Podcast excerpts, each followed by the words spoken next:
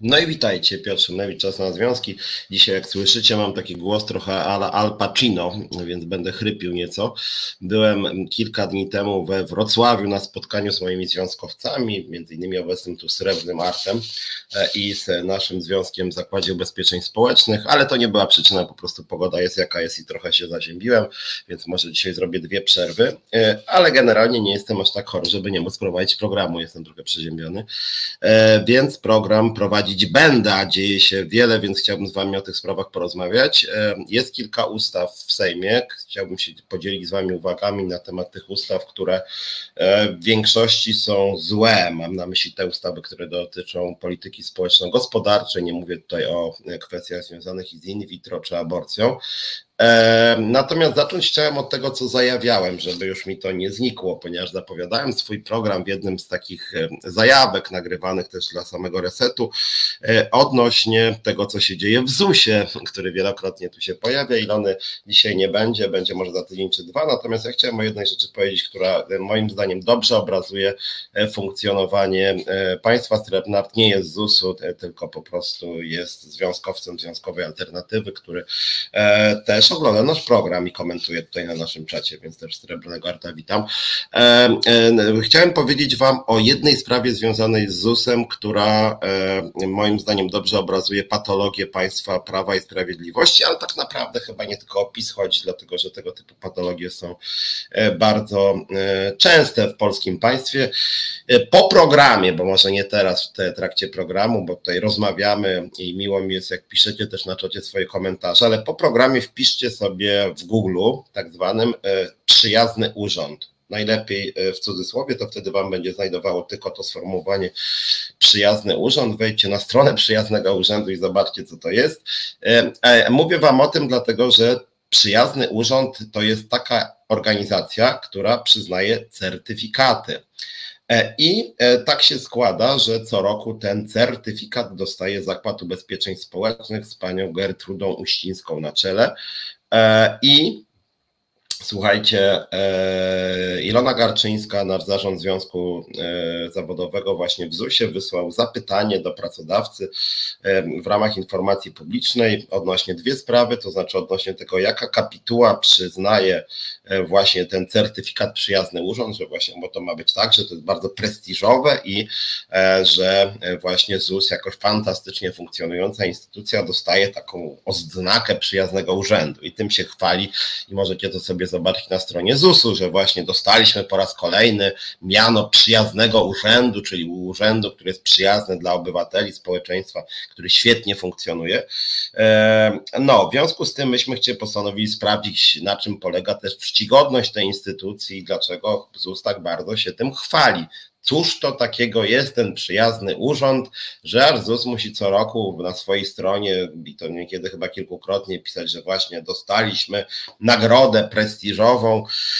No, w związku z tym nasz zarząd w ZUS-ie zapytał pracodawcy e, o to, aby ten udostępnił dokumenty, które zawierają informacje o członkach kapituły, która przyznaje właśnie e, ten certyfikat przyjazny urząd, to po pierwsze, a po drugie, e, a po drugie chodzi o wskazanie kosztów, które Zakład Ubezpieczeń Społecznych poniósł w związku z uczestnictwem w konkursie Przyjazny Urząd w roku 2023.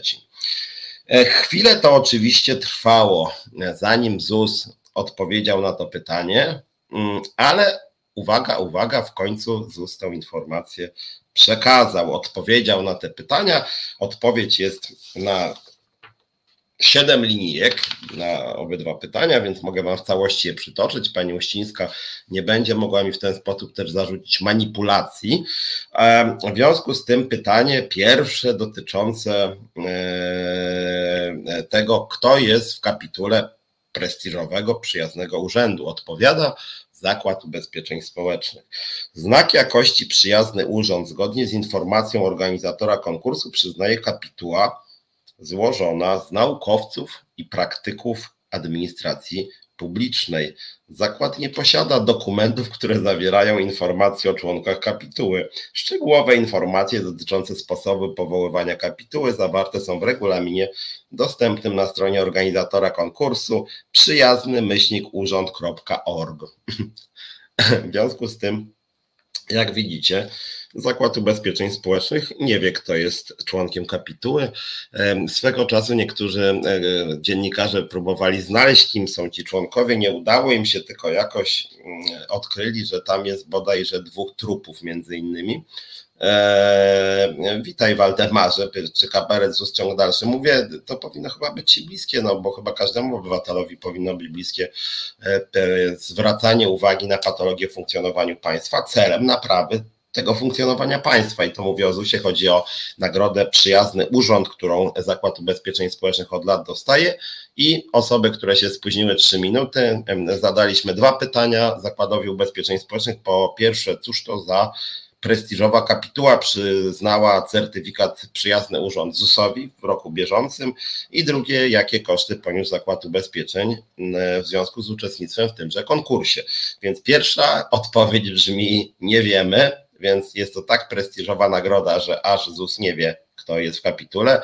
E, z plotek, kontynuuję ten wątek, który zacząłem, z plotek, do, które do mnie dotarły, jeden dziennikarz się temu przyglądał, bodaj tam był jakiś pan grający na fortepianie i znalazł się tam bodaj trup jeden albo dwa w tej kapitule czcigodnej. E, w związku z tym jest to bardzo tajemnicza, e, e, tajemnicza instytucja i, tajemnicza kapituła. Nieznane jest to w każdym razie, kto do niej należy, więc jeżeli nas ktoś z ZUS-u ogląda, to moi drodzy, pani droga Gertrudo, profesorko, napisz nam może, kto jednak jest w tej prestiżowej kapitule, to wtedy no, zrozumiemy, dlaczego tak się chwalisz tym przyznaniem ZUS-owi tytułu przyjaznego urzędu. I to jest pierwsza sprawa, drugi, drugie pytanie, jak pamiętacie, e, e, wskazanie, chodzi o wskazanie kosztów, jak, które ZUS poniósł w związku z uczestnictwem w konkursie. I ZUS odpowiada. W 2023 roku zakład poniósł koszt w wysokości 7638 zł 30 groszy tytułem opłaty konkursowej.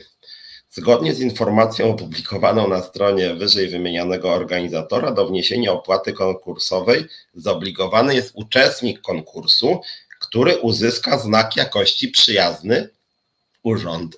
Rozumiecie? Krótko mówiąc, Zakład Ubezpieczeń Społecznych zapłacił 7638 zł i 30 groszy, co było warunkiem otrzymania e, znaku jakości, otrzymania certyfikatu, czy mówiąc może bardziej dosłownie, ZUS sobie po prostu kupił tą nagrodę, ponieważ sam ZUS przyznaje, że zapłata tych 7 tysięcy z kawałkiem jest warunkiem otrzymania certyfikatu.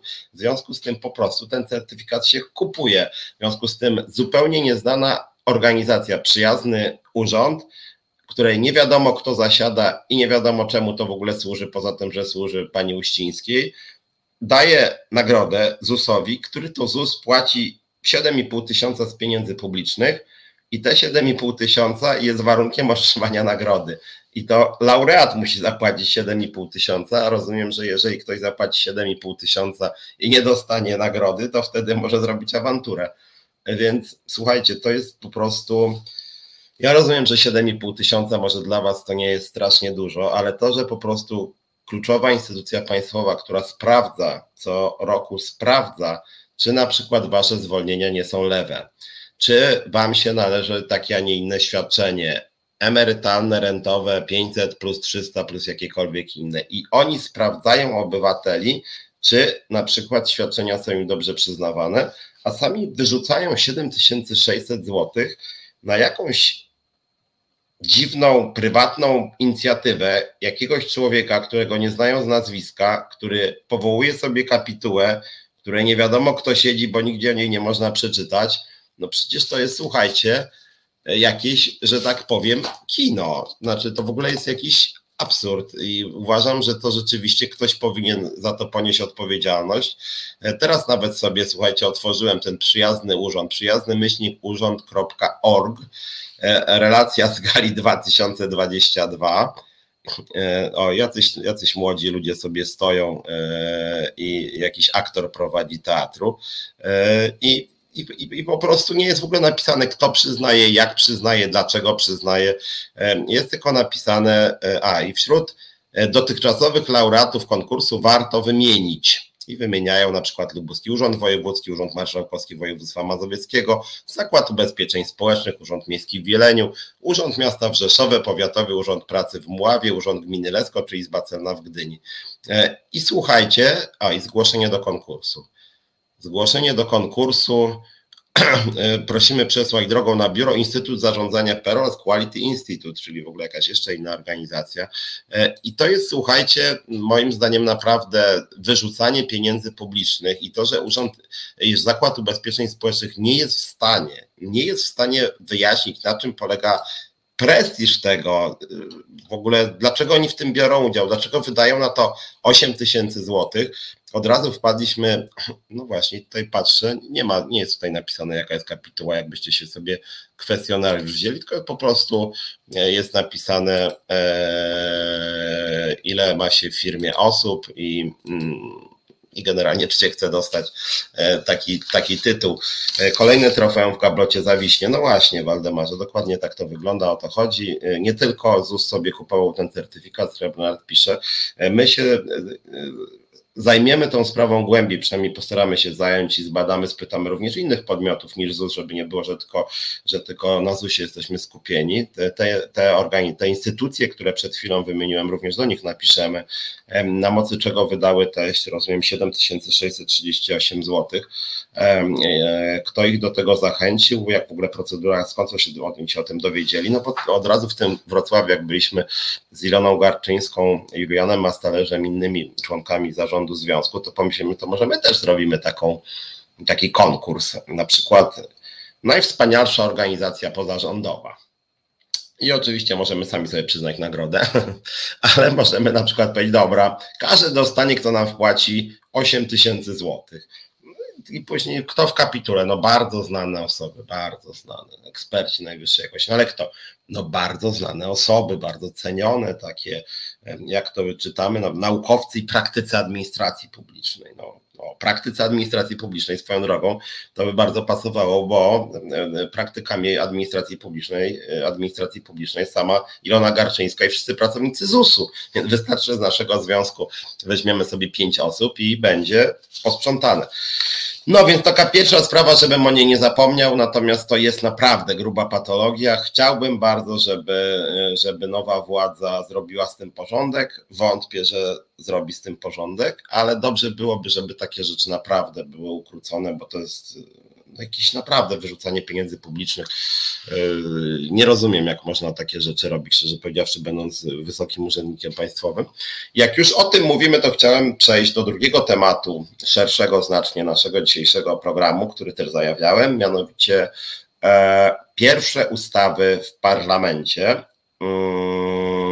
Później jeszcze porozmawiamy sobie trochę o tematyce unijnej, bo Parlament Europejski właśnie przegłosował ten pakiet, którego tak PiS się boi.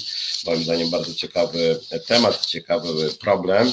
Mm, natomiast zacząć chciałbym od, e, nie wiem czy słyszeliście, od ustawy, którą wniosła Platforma Obywatelska, sprawozdawcą ma być pan Borys Budka. Chodzi o mm, ujawnienie majątków małżonków najważniejszych osób w państwie i rozszerzenie obowiązku e, pokazywania swoich majątków e, przez prezesów spółek Skarbu Państwa i innych członków zarządu.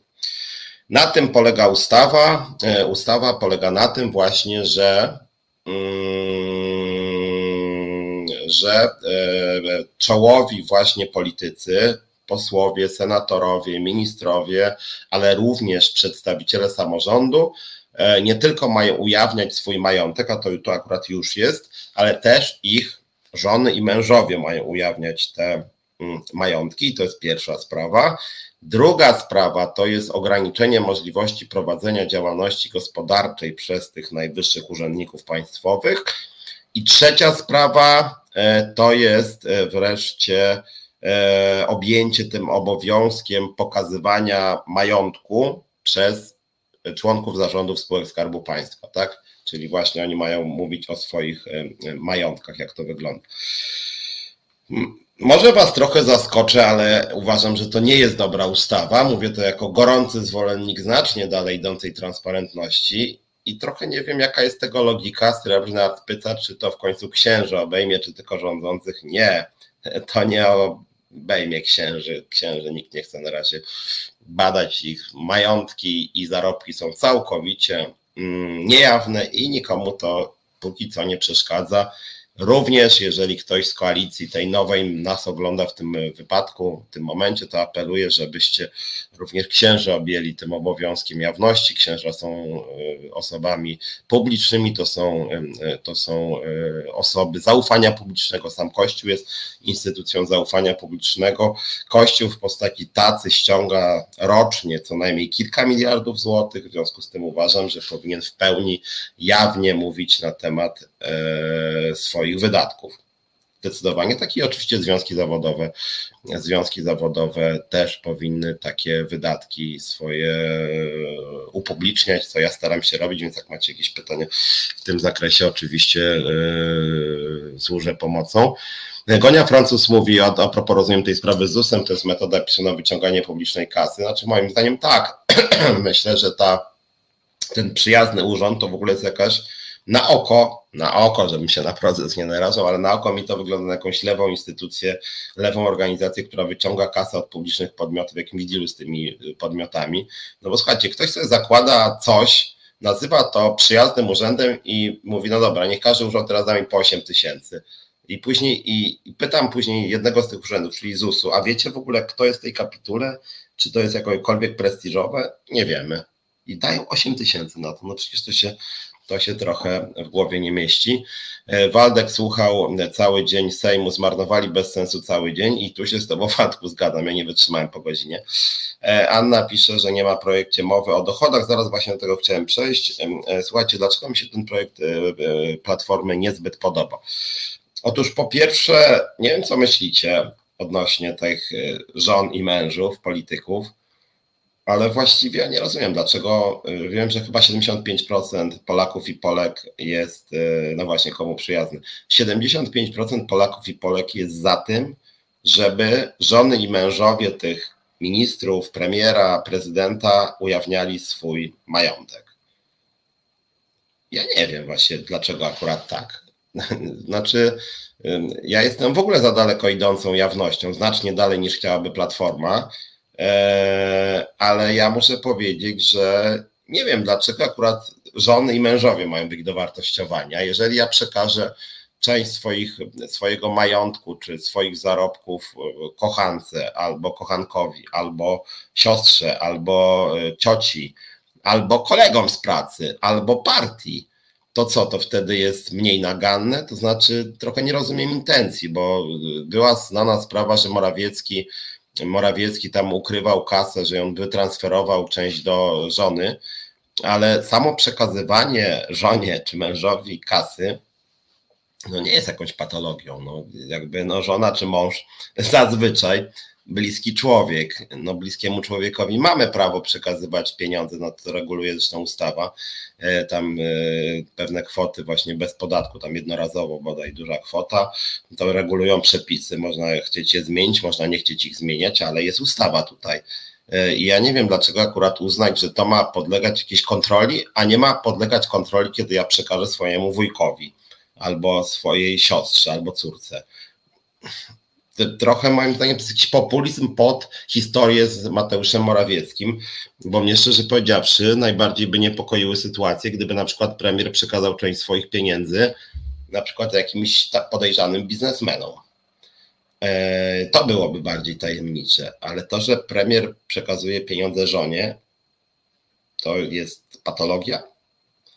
Znaczy, ja rozumiem, że, że chodzi o jakiś nadzór nad, nie wiem, co się dzieje z pieniędzmi najważniejszych osób. Ja uważam, że taki nadzór powinien być, ale to powinno dotyczyć w takim razie tego w ogóle, co robi ze swoimi pieniędzmi premier czy minister. Yy, więc nie wiem, czemu tu ma służyć jawność majątkowa akurat żon i mężów, że co to miałoby niby pomóc czy zmienić. Wydaje mi się, że znacznie lepszym kierunkiem jest po prostu jakaś forma jakaś forma kontroli nad e, po prostu e, pieniędzmi e, najważniejszych osób w państwie. Kontrola polegająca na tym, żebyśmy sprawdzali, czy na przykład przypadkiem oni kierują swoich pieniędzy, czy nie dostają jakichś pieniędzy od środowisk, które mogliby, mogliby, mogłyby ich skorumpować. Ja między innymi dlatego jestem za bardzo daleko idącą jawnością wszelkich podmiotów politycznych, również fundacji, stowarzyszeń czy związków zawodowych. W związku z tym, no, trochę tego nie rozumiem. Ksenen pisze obcym dać to podatek i tym podobne oraz nie jest to majątek wspólny. Teraz żona premiera może jemu ukrywać majątek, chyba o to chodzi.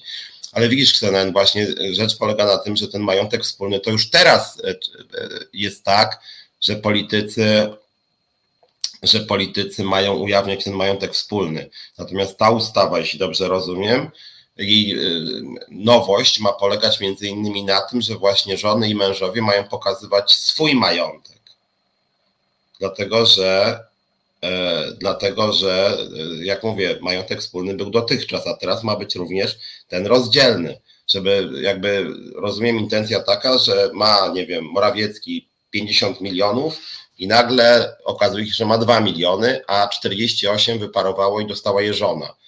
E, okej, okay. no ale chcę, chcę wiedzieć, pisze Gonia, kto, kto żyjący za publiczne pieniądze kradnie.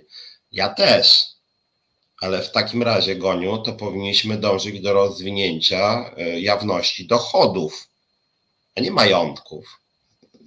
Ewentualnie sprawdzić, jak się ma dochód do majątku.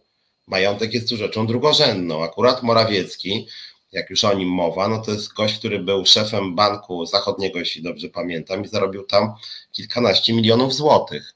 E, e, I druga sprawa, jeśli chodzi o różnego rodzaju darowizny, to zgodnie z ustawą pan Morawiecki mógłby dać 5 milionów złotych nieopodatkowane, na przykład na tacę do kościoła, więc tutaj też nie ma żadnego podatku i mógłby dać na związkową alternatywę 5 milionów i również jest to nieopodatkowane, tylko my byśmy musieli wydać na cele statutowe, na związki zawodowe może dać, on by prędzej dał e, na Solidarność, jak go znam, ale ma prawo, e, więc moim zdaniem patologie polegają na tym, e, że mógłby mieć pan Morawiecki nie wiem, pieniądze z jakichś lewych źródeł, dajmy na to, albo mógłby je przekazać jakimś lobbystom. No nie wiem, czy lobbyści jemu mogliby przekazać, więc sam sama jawność zarobków y, najważniejszych osób w państwie jestem w pełni za. Ewentualnie porównanie majątku y, z tym, co się zarabia, też jak najbardziej za, bo jeżeli na przykład premier zarabia 20 tysięcy złotych miesięcznie na rękę na przykład, y, a po roku sobie kupuje samochód za milion, no to fiskus powinien się spytać, no dobra, a skąd pan miałeś te dodatkowe 800 tysięcy, jak pan nie wziąłeś kredytu? No narzuca się takie pytanie, ale tego typu pytania po pierwsze już może dzisiaj zadać skarbówka, każdemu obywatelowi zresztą, a po drugie kluczowa w tym kontekście jest jawność dochodów, a nie jawność majątków i to jeszcze żony czy męża. Więc moim zdaniem, e, moim zdaniem to jest trochę populizm, że te żony i mężowie. Dlaczego akurat żony i mężowie, a nie na przykład bracia albo córki? W ogóle dla mnie to jest trochę od czapy, sorry. Morawiecki miał 170 milionów, z tego 120 milionów przepisał na żonę. No, no okej, okay, być może tak, ale, ale można też przepisać na przykład na syna i co w związku z tym? I co wtedy się dzieje? No to przepisałby na syna więc e, z Morawieckim był problem nie taki, że on przepisał na żonę, jeśli ja dobrze pamiętam, tylko że część jego zarobków budziła wątpliwości pewne, kiedy on tam, te, te działki krążyły, prawda, różne zniżki były dla kościoła i on był też beneficjentem tych operacji. I, i to jest ewentualnie patologia, temu się powinny przyglądać służby skarbowe i o tym Polacy powinni mieć powinni mieć wiedzę, czy tak jak Srebrnar pisze, dostać drogie auto od bezdomnego. E, e, w związku z tym, no właśnie, nawet Goniu pisze, że masz skromne dochody i bank cię ściga, takie jest prawo. No tak, ciebie ściga i Morawieckiego też może ścigać. W związku z tym ja dlatego mówię, że teraz dlaczego sobie ustawodawca postanowił wybrać akurat żony i mężów. E, e, no, Morawiecki może równie dobrze dać kochance czy kochankowi, może dać siostrze, bratu, ciotce i komukolwiek innemu, więc o to mi tutaj chodzi, że nie widzę tej logiki. Moim zdaniem e, znacznie lepszym rozwiązaniem jest dalej idąca jawność płac, pełna jawność płac, pełen nadzór, a wyróżnianie tej żony, to, to ja nie wiem. Nikt powinien sprawdzać deklaracje majątkowe przed wejściem na urząd i, i po zakończeniu kadencji to wszystkich od radnego z Pcimia do prezydenta RP. Z tym to ja się w pełni zgadzam. Tutaj ja, ja, ja jestem dokładnie za tym. E, więc kontrolę, jak się ma stan posiadania e, do zarobków, tak, to jest ważne i ciekawe, tak? Znaczy to jest to, co ja mówiłem, ale to dotyczy w ogóle wszystkich obywateli. Czy dlaczego, dlaczego na przykład zarabiając, nie wiem, 5 tysięcy złotych miesięcznie kupiłem sobie samochód za 2 miliony, nie biorąc kredytu? To jest bardzo dobre pytanie. Ja dlatego jestem za całkowitą jawnością płac może wiecie, całkowitą jawnością płac wszystkich. Wielokrotnie mówiłem w tym programie, sam w Związkowej Alternatywie zarabiam 5200 zł netto miesięcznie, o tym wiedzą wszystkie związki zrzeszone w Związkowej Alternatywie. Wy też o tym wiecie. Wszyscy wiedzą, ile zarabiam i, mm, i, e, i mogą to ocenić, czy mi się to należy, czy trzeba mi obniżyć podnieść, no podnieść byłoby fajnie, tylko nie, tylko to są też jakby, ten, ten moje zarobki są określone też ile my mamy e, ze składek, e, a też jeszcze mamy innych pracowników, a też jeszcze mamy siedzibę, a też mamy różnego rodzaju projekty, mamy prawników i tak dalej, i tak dalej. E, no ale w każdym razie ja tu nie mam nic do ukrycia i uważam, że w ogóle jawność płac byłaby czymś bardzo pożądanym i dobrym. I tu drugi punkt, który mnie zdziwił trochę, jak chodzi o tą ustawę. Tutaj Anna o tym wspominała z tą jawnością dochodów. Mianowicie PiS wpadł, e, przepraszam, PO wpadło na pomysł i pan Budka czy pan Tusk wpadł na pomysł, żeby e, rozszerzyć jawność, e, rozszerzyć ten obowiązek ujawniania majątków przez członków zarządu, łącznie z prezesami spółek Skarbu Państwa. I to jest na pewno krok w dobrym kierunku, bo tego nie było, żeby prowadzić jakąkolwiek tutaj jawność. Natomiast znowuż moim zdaniem częścią tej jawności powinna być przede wszystkim jawność dochodów. E, a w tej ustawie jej nie ma. W tej ustawie jest tylko jawność majątku, czyli przychodzi pan Obajtek i na przykład mówi: Ja mam cztery mieszkania, czy tam 17 mieszkań, 17 mieszkań, 4 miliony 500 tysięcy w złotówkach, milion w euro i 100 tysięcy w dolarach, na przykład. Natomiast chyba z perspektywy moralności publicznej, naszej oceny tego, jak społeczeństwo funkcjonuje i państwo, e, kluczowa jest wiedza, ile on zarabia po prostu. To jest chyba e, to jest chyba rzecz, e, rzecz ważniejsza. Czy to są zarobki sprzeczne z takimi intuicjami dotyczącymi sprawiedliwości społecznej? I tutaj, jak o to chodzi, E, znacznie ciekawsze rzeczy moglibyśmy się dowiedzieć, e, na przykład ile zarabiają i gdzie pracują mężowie, żony, siostry, ciocie premiera, prezydenta, ministrów, posłów. I tu skala patologii wyszłaby bardzo duża moim zdaniem. E, więc właśnie nie wspólne oświadczenie majątkowe, czy oddzielne, przepraszam, że mąż ma i żona ma, tylko po prostu jawność płac. Więc ja uważam, że jawność płac jest rzeczą znacznie ważniejszą i znacznie bardziej pożądaną. Natomiast ja jestem, jak wiecie, pragmatyczny, więc jeżeli rządzący i część społeczeństwa nie zgadza się na powszechną jawność płac, no to w takim razie zgódźmy się przynajmniej na jawność płac e, w sektorze publicznym i spółkach Skarbu Państwa. Dlatego, że e, oni zaproponowali tylko jawność majątków i to jeszcze wyłącznie zarządu no to jakby strasznie mało i niewiele z tego wynika, że co, że pan Obajtek ma pięć mieszkań, bo dla mnie ważniejszą rzeczą jest ile on zarabia jednak. Co na przykład jak chodzi o prezesa Lotu, że tam Watchdog przez trzy lata wyciągał informacje, ile pan Milczarski zarabiał i tam wyszło, że w jednym, e, chyba 2017 albo 18, chyba 17 zarobił 2 miliony 800 tysięcy. 2 miliony 800 tysięcy w rok pan Milczarski e, i to wyszło na 5 lat później. W 2022 bodaj. No przecież to w ogóle jakiś kuriozum, nie? E, w związku z tym myślę, że ważniejsze byłyby dochody, więc majątek tak, ale jeżeli, ale ma to sens, o ile również dochody są, po prostu wynagrodzenia są jawne e, ze wszystkich źródeł, czyli PIT.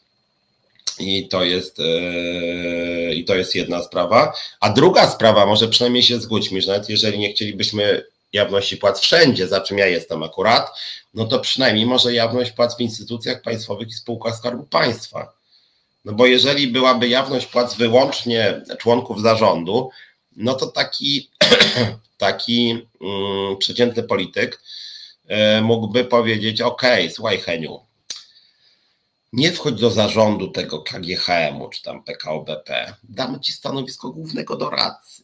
Zarobisz sobie 50 tysięcy miesięcznie i jakby nikt się ciebie nie będzie czepiał. Tak będzie wygodniej.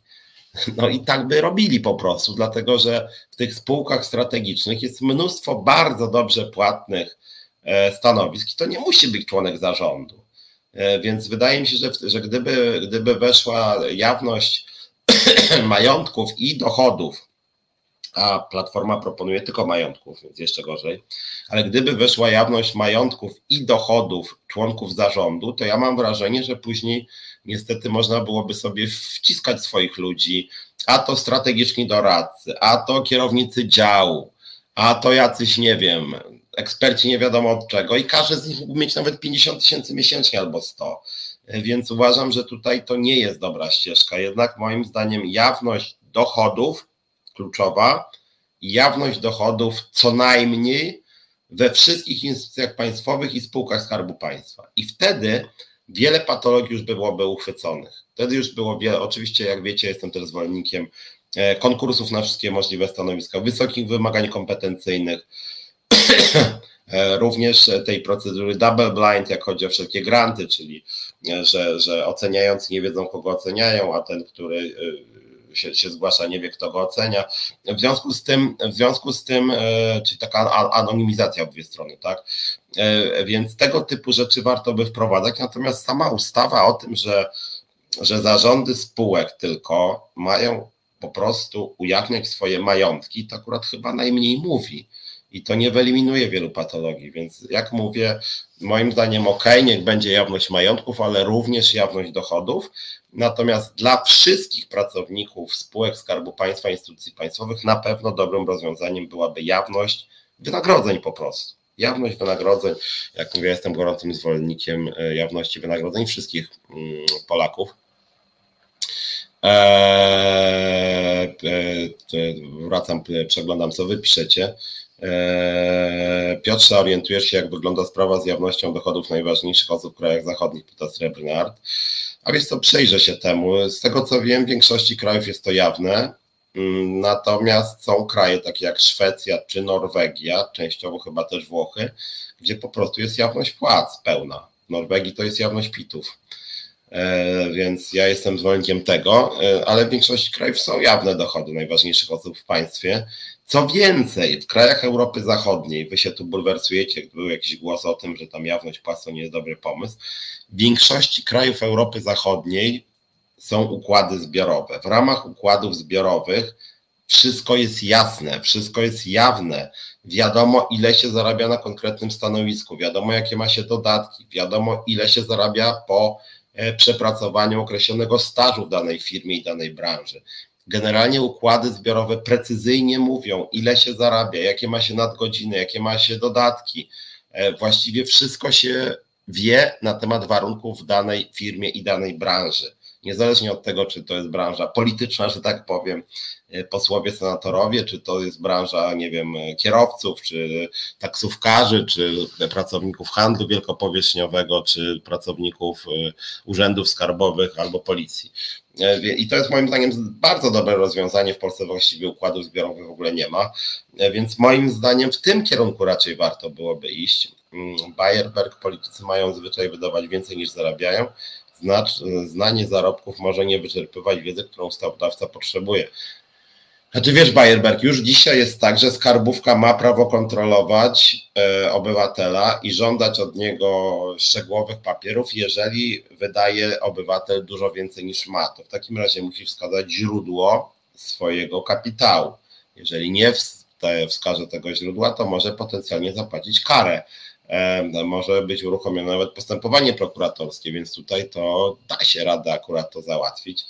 E, Korra, Korwo pisze, że w tym kraju nigdy w życiu skarbówka nie odważy się wezwać do wyjaśnień premiera.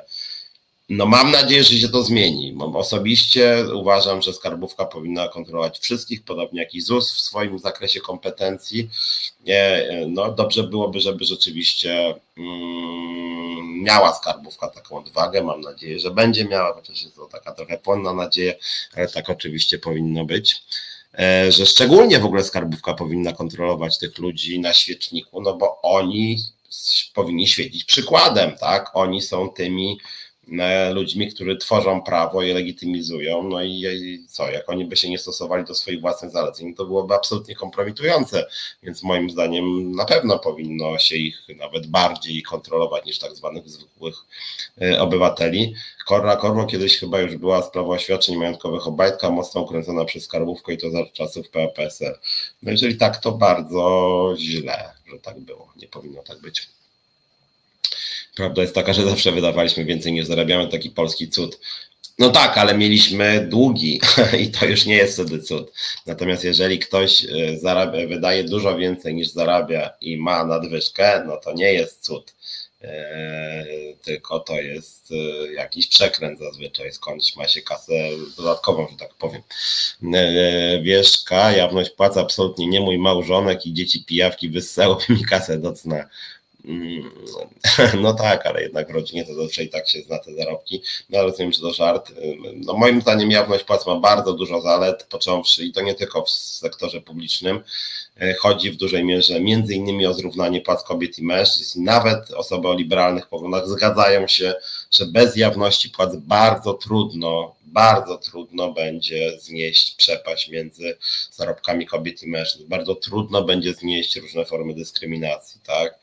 Mm, bardzo trudno będzie egzekwować zasadę, która jest częścią polskiego prawa, bądź co bądź równej płacy za taką samą e, pracę. Mm, równą płacę dla osób na tym samym stanowisku, o tym samym stażu pracy. Tak przewiduje kodeks pracy, inaczej to jest dyskryminacja. Jak sprawdzić, czy jest dyskryminacja, jeżeli płace są niejawne?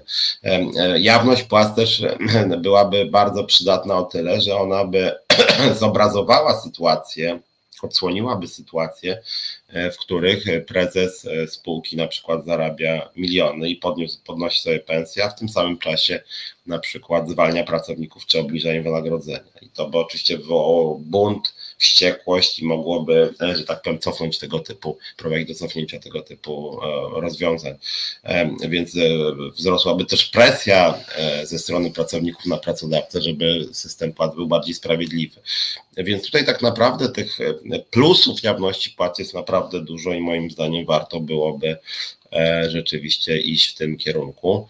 E, politycy zawsze znajdą drogę na obejście przepisów antykorupcyjnych, ale warto im to ciągle utrudniać, na przykład stanowiska w spółkach, o których finansach decydowali w trakcie urzędowania słynny Schroeder. W pełni się zgadzam, Wojtek Polak. E, ja też jestem zwolennikiem tego, żeby właśnie bardzo utrudniać politykom wchodzenia w układy korupcyjne. A propos tego, co mówisz, to w Polsce była taka sytuacja, którą ja osobiście nagłośniłem. Nie wiem, czy pamiętacie, w latach 2010-2012 ja pracowałem w telewizji polskiej, TVP. To był zupełnie inny tam układ sił. W ogóle, no, no napisałem o tym książkę Wielkie Pranie Mózgów, jak ktoś by chciał. Zachęcam do lektury parę lat temu. E, no w każdym razie, e, w każdym razie wtedy e, jednym z takich moich mm, głośniejszych tekstów był tekst na temat OFE. Ja się przyglądałem, kto, kto znajdował się w tych e, polskich towarzystwach emerytalnych, które kierowały otwartymi funduszami emerytalnymi, kto był w radach nadzorczych, kto, był, kto tam kierował tym. I słuchajcie, wyobraźcie sobie, że w jednym PTE, tym Polskim Towarzystwie Emerytalnym, znajdował się między innymi episkopat. Episkopat był beneficjentem, beneficjentem OFE. E, a z drugiej strony, i tutaj wracam do tego, co ty Wojtek Polak napisałeś, e, pojawili się ludzie, którzy byli autorami ustawy, czyli można powiedzieć, sami pisali ustawę i byli, byli jej beneficjentami, czyli to, co właśnie teraz napisałeś, taką osobą był między innymi Michał Boni, którego dzisiaj e, w sumie dość cenię. On mówi niekiedy rzeczy zupełnie ciekawe i niegłupie, no ale wtedy rzeczywiście on był jednym z autorów tej reformy, a zarazem znalazł się bodaj w dwóch e, radach nadzorczych OFE i to jest rzecz moim zdaniem dosyć e, naganna. E, E, u mnie dzisiaj a coś mówicie o zrywaniu. Mam nadzieję, że czy Gertruda już była, Charlie Berry pyta, trochę było o Gertrudzie, Charlie. Ja tylko przypomnę, jak chodzi o rozliczenia, o rozliczenia z e, działania na szkodę spółki, przekraczania uprawnień, to będziemy się powoływać e, na artykuł 228-231 kodeksu karnego o przekraczaniu uprawnień i już jedno pismo do prokuratury ze strony Związkowej Alternatywy poszło przeciwko pani Gertrudzie Uścińskiej. Będziemy e, iść e, na tym obszarze mm, dalej. Więc to, e, więc to a propos tego wątku. Patrzę jeszcze, co tutaj. Nie, nie, nie, nie, nie, nie mam żadnej koronki. Robiłem, jak chodzi o moje zdrowie, żeby było jasne. Jestem też związkowcem, więc jakbym był obłożnie chory, to by jednak nie było dzisiaj programu, więc od razu Wam też mówię. Koronawirusa na szczęście nie mam, przynajmniej na 99%, ponieważ robiłem dwukrotnie test i wyszedł mi ujemny, więc myślę, że jest to po prostu przeziębienie. Nie mam też gorączki, jak jestem chory, to gorączku. Ja teraz nie mam gorączki, więc, więc myślę, że jest w porządku. E, Waldemar pisze Wysokiński, panie Piotrze, ok, ale do tego potrzebny jakiś niezależny urząd, który to będzie E, kontrolował. Znaczy ja oczywiście też widzisz Waldek, problem w Polsce jest taki, że rzeczywiście e, mało jest takich urzędów, które mają duże zaufanie, e, zaufanie społeczne, które są niezależne od partii politycznych.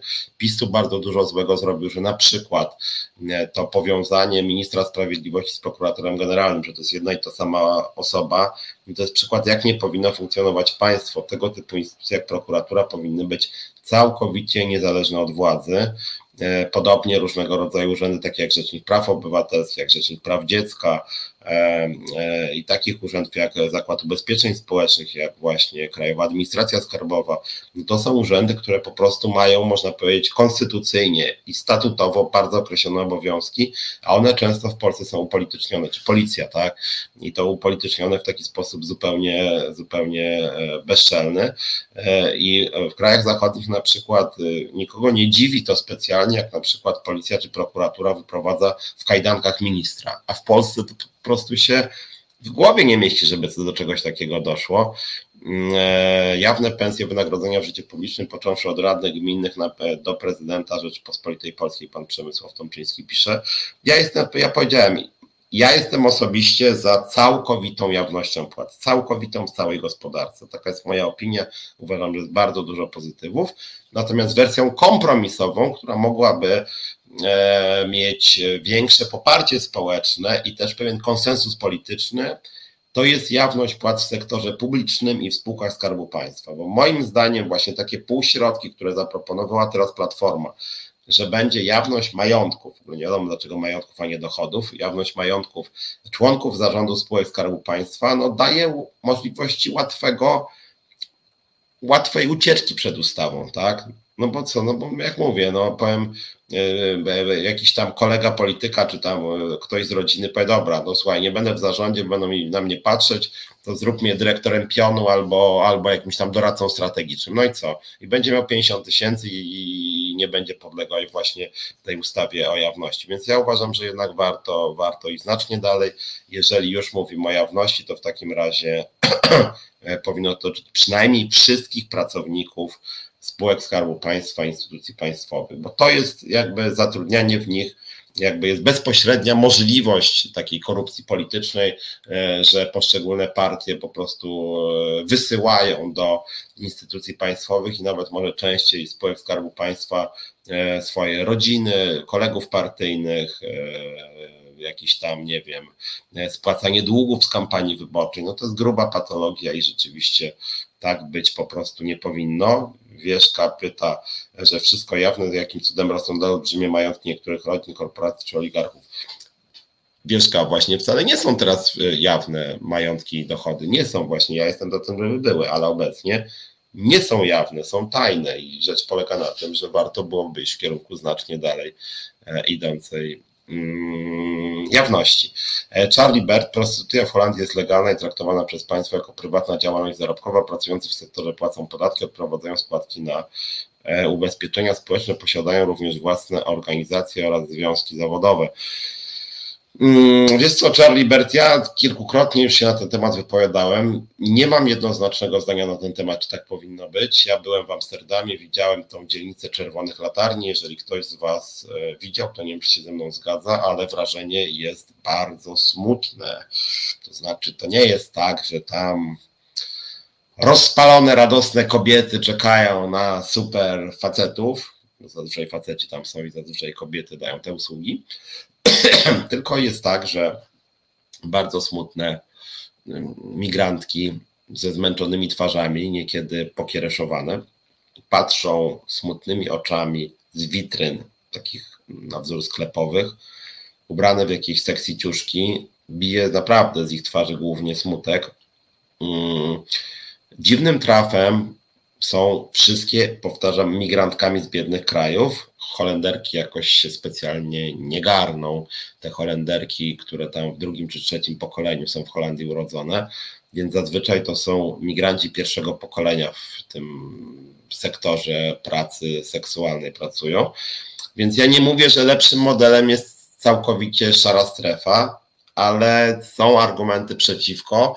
Na przykład w Szwecji jest tak, że prostytucja jest nielegalna i każe się tak sutenerów, jak i klientów w Szwecji, każe się również klientów nie każe się prostytutek, prostytutkom daje się opiekę medyczną, środki antykoncepcyjne, więc jakby tutaj to w Niemczech, Holandii czy Szwecji wygląda podobnie, jak chodzi o wsparcie dla tych pracownic seksualnych, natomiast podejście jest radykalnie inne, jak chodzi o legalizację. W Holandii, podobnie w Niemczech, są związki zawodowe pracownic seksualnych, to są już tak zwane normalne zawody. W Szwecji uważa się, że jednak to jest bardzo skryminalizowana branża i jej legalizacja jest de facto legalizacją działalności o charakterze często przestępczej. Ja nie jestem pewien, nie, nie, mam jednoznacznego zdania w tej sprawie.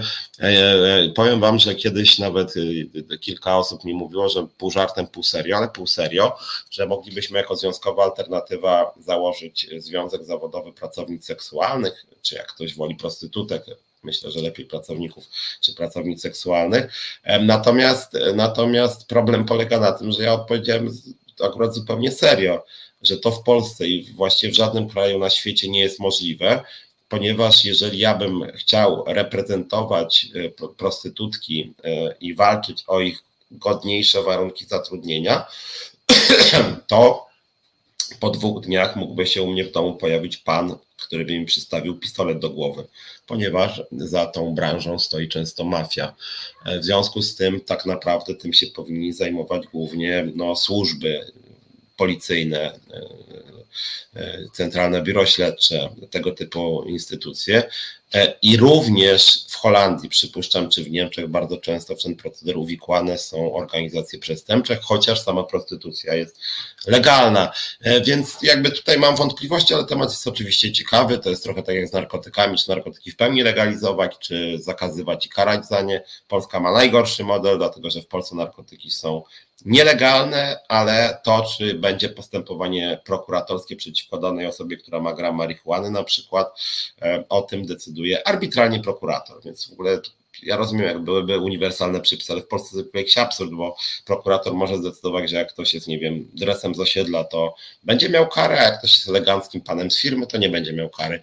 Więc to jest w ogóle bez sensu. Moja opinia jest akurat tutaj taka trochę się to jednak różni od prostytucji, bo o prostytucji chodzi jednak o konkretnych ludzi, tu chodzi o specyfik.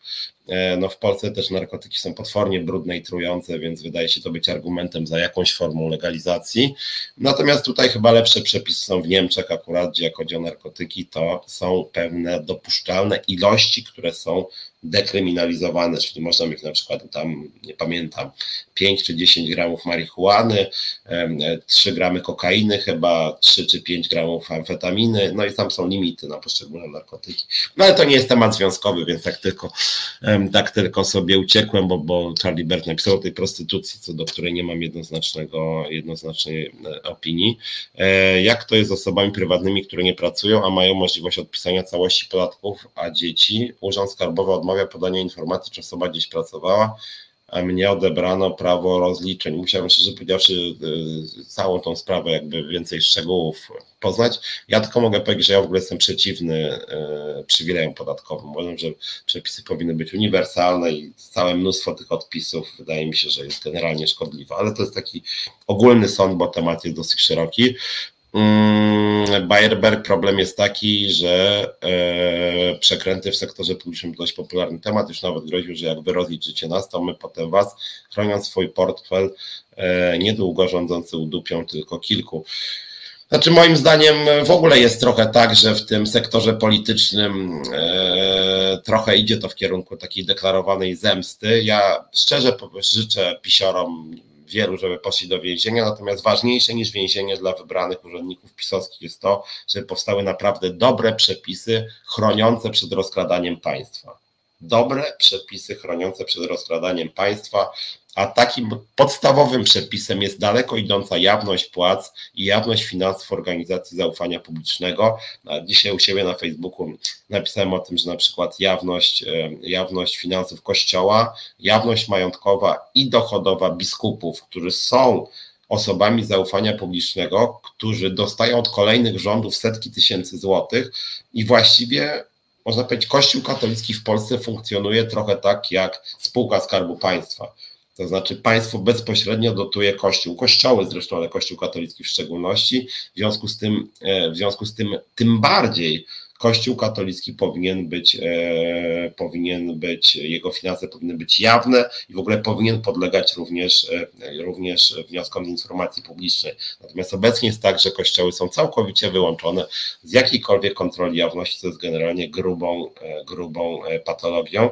Tu Janusz pisze, że w Norwegii nie ma jawności zarobków, a nie jestem pewien, czy twierdzi, że od paru lat to zmieniono. Z tego co pamiętam, jeszcze ze dwa lata temu sprawdzałem, to była. E, jakaś wersja jest na pewno kilka lat temu była totalna jawność płac w Norwegii, z tego co pamiętam, ale okej, okay, sprawdzę to. Natomiast niezależnie od tego, czy w Norwegii jest to, ja po prostu uważam, że to jest dobre rozwiązanie. Mm, niewielu jednak zgłaszają olbrzymie zarobki, dlatego prezes Noki zapłacił ponad 100 tysięcy euro mandatu za przekroczenie prędkości, a to ciekawe, to nawet nie wiedziałem.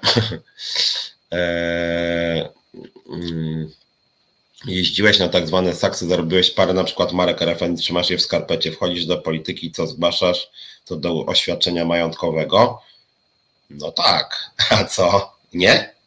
To znaczy, no, no wiesz, ba, ba, Waldemarze, no to, to, to, to, to, to, to, że co?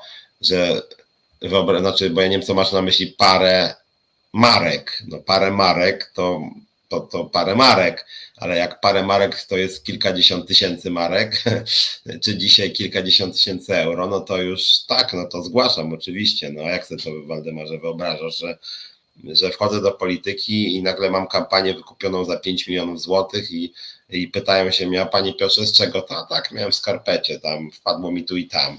No, generalnie ja rozumiem, że część polityków by szło w tym kierunku, ale ja jestem za transparentnością i uważam, że to byłoby nie w porządku. No, no sorry, no jak to w przypadku sobie wyobrażasz? No, co, no, zarabiasz większe pieniądze i co? I, I, masz nie wiadomo skąd, no to był urząd skarbowy natychmiast też się, też się do ciebie dobrał i tak musiałbyś się tłumaczyć tak na marginesie. Eee, czas skończyć z pustą salą obrad, odbierać dniówka za nieobecność na sali obrad. Darek pisze, Bielecki. nie wiem, czy Darku pamiętasz swoją drogą, to jest gruba rzecz, wspominałem wam o tym, że w Polsce jest, słuchajcie, tak, że skończyła się kadencja poprzedniego Sejmu i oni, wyobraźcie sobie, ci poprzedni posłowie dostali trzymiesięczną odprawę. Trzymiesięczną odprawę, czyli rzędu 40 tysięcy złotych. Ja sobie myślę, 50 tysięcy nawet łącznie. Ja sobie myślę, ja pierniczę, z jakiej racji? Przecież to jest umowa na czas określony. Nie wiem, czy wiecie, w ramach umowy na czas określony nie dostaje się nic, no kończy się umowa na czas określony, no i koniec. Nie? Jeżeli mam umowę na czas określony do 15 października, no to kończy mi się praca. To dostaję pieniądze do 15 października, a później już nic. A posłowie to jest taka jedyna chyba znana mi umowa na czas określony, na czas kadencji, w ramach której po zakończeniu kadencji oni jeszcze dostają trzy pensje. No to jakiś kuriozum, tym bardziej, że w tym przypadku społeczeństwo mówi tym ludziom, nie, już nie chcemy wam płacić, już nie, nie widzimy was w Sejmie, a mimo to dostają trzy pensje. Dla mnie to jest też jakaś swoją drogą gruba patologia. Nie wiem, co sądzicie, ale uważam, że to jakiś absurd jest, żeby posłowie, którzy już się nie dostali do Sejmu, dostawali jeszcze trzy pensje po zakończeniu kadencji. Jakieś bardzo dziwne, a tak jest, naprawdę tak jest. W firmach zalewające Polskę ukraińskim zbożem też są rodziny działaczy PiS, czy oni sami podejść z polityki, nie wiem, czy taką patologię da się zwalczyć, trzeba próbować. Znaczy, znaczy tutaj to w ogóle jak chodzi o różnego rodzaju spółki Skarbu Państwa, bo to, co teraz Wojtek napisałeś, to jest powiązane ze spółkami Skarbu Państwa, więc tu w ogóle powinien jest nadzór właścicielski i niestety jest właśnie tak, jak my, jak, tak jak tutaj często o tym rozmawiamy, że w Polsce niestety tak zarządy spółek Skarbu Państwa, jak i rady nadzorcze, o radach nadzorczych mało kto mówi, one są potwornie upartyjnione A rady nadzorcze powinny być całkowicie apolitycznie. To powinni być eksperci, którzy patrzą na ręce, e, e, patrzą na ręce tym firmom. A, a, a u nas jest w ogóle kuriozalne, że w ogóle tych rad nadzorczych to żadnych konkursów nie ma. On tam po prostu wskazuje, wskazuje sobie minister zazwyczaj kogoś i moim zdaniem też jest patologia i później oni ukrywają swoich znajomych. Znaczy znajomi z rad nadzorczych firmują znajomych z zarządu firmy i przy okazji ukrywają patologię w nawiązywaniu relacji między zarządem tej firmy i jakimiś lewymi organizacjami, czy kryją jakieś lewe biznesy, chociaż rolą Rady Nadzorczej jest lewe biznesy tropić, a nawet zgłaszać sprawę wtedy do prokuratury. E, więc jeżeli jak chodzi o te firmy zalewające Polskę ukraińskim dworzem, jak tam były jakieś przekręty, zresztą nie tylko w tej sprawie, ale w stu innych, to oczywiście powinna być odpowiedzialność karna. E, Amsterdam jest brzydki, migrantek nie widziałem, ale dostałem zjebkę, bo na chwilę stanąłem przed witryną i zasłoniłem. Chodziło mi o to, że nawet tam mają związki zawodowe i układy.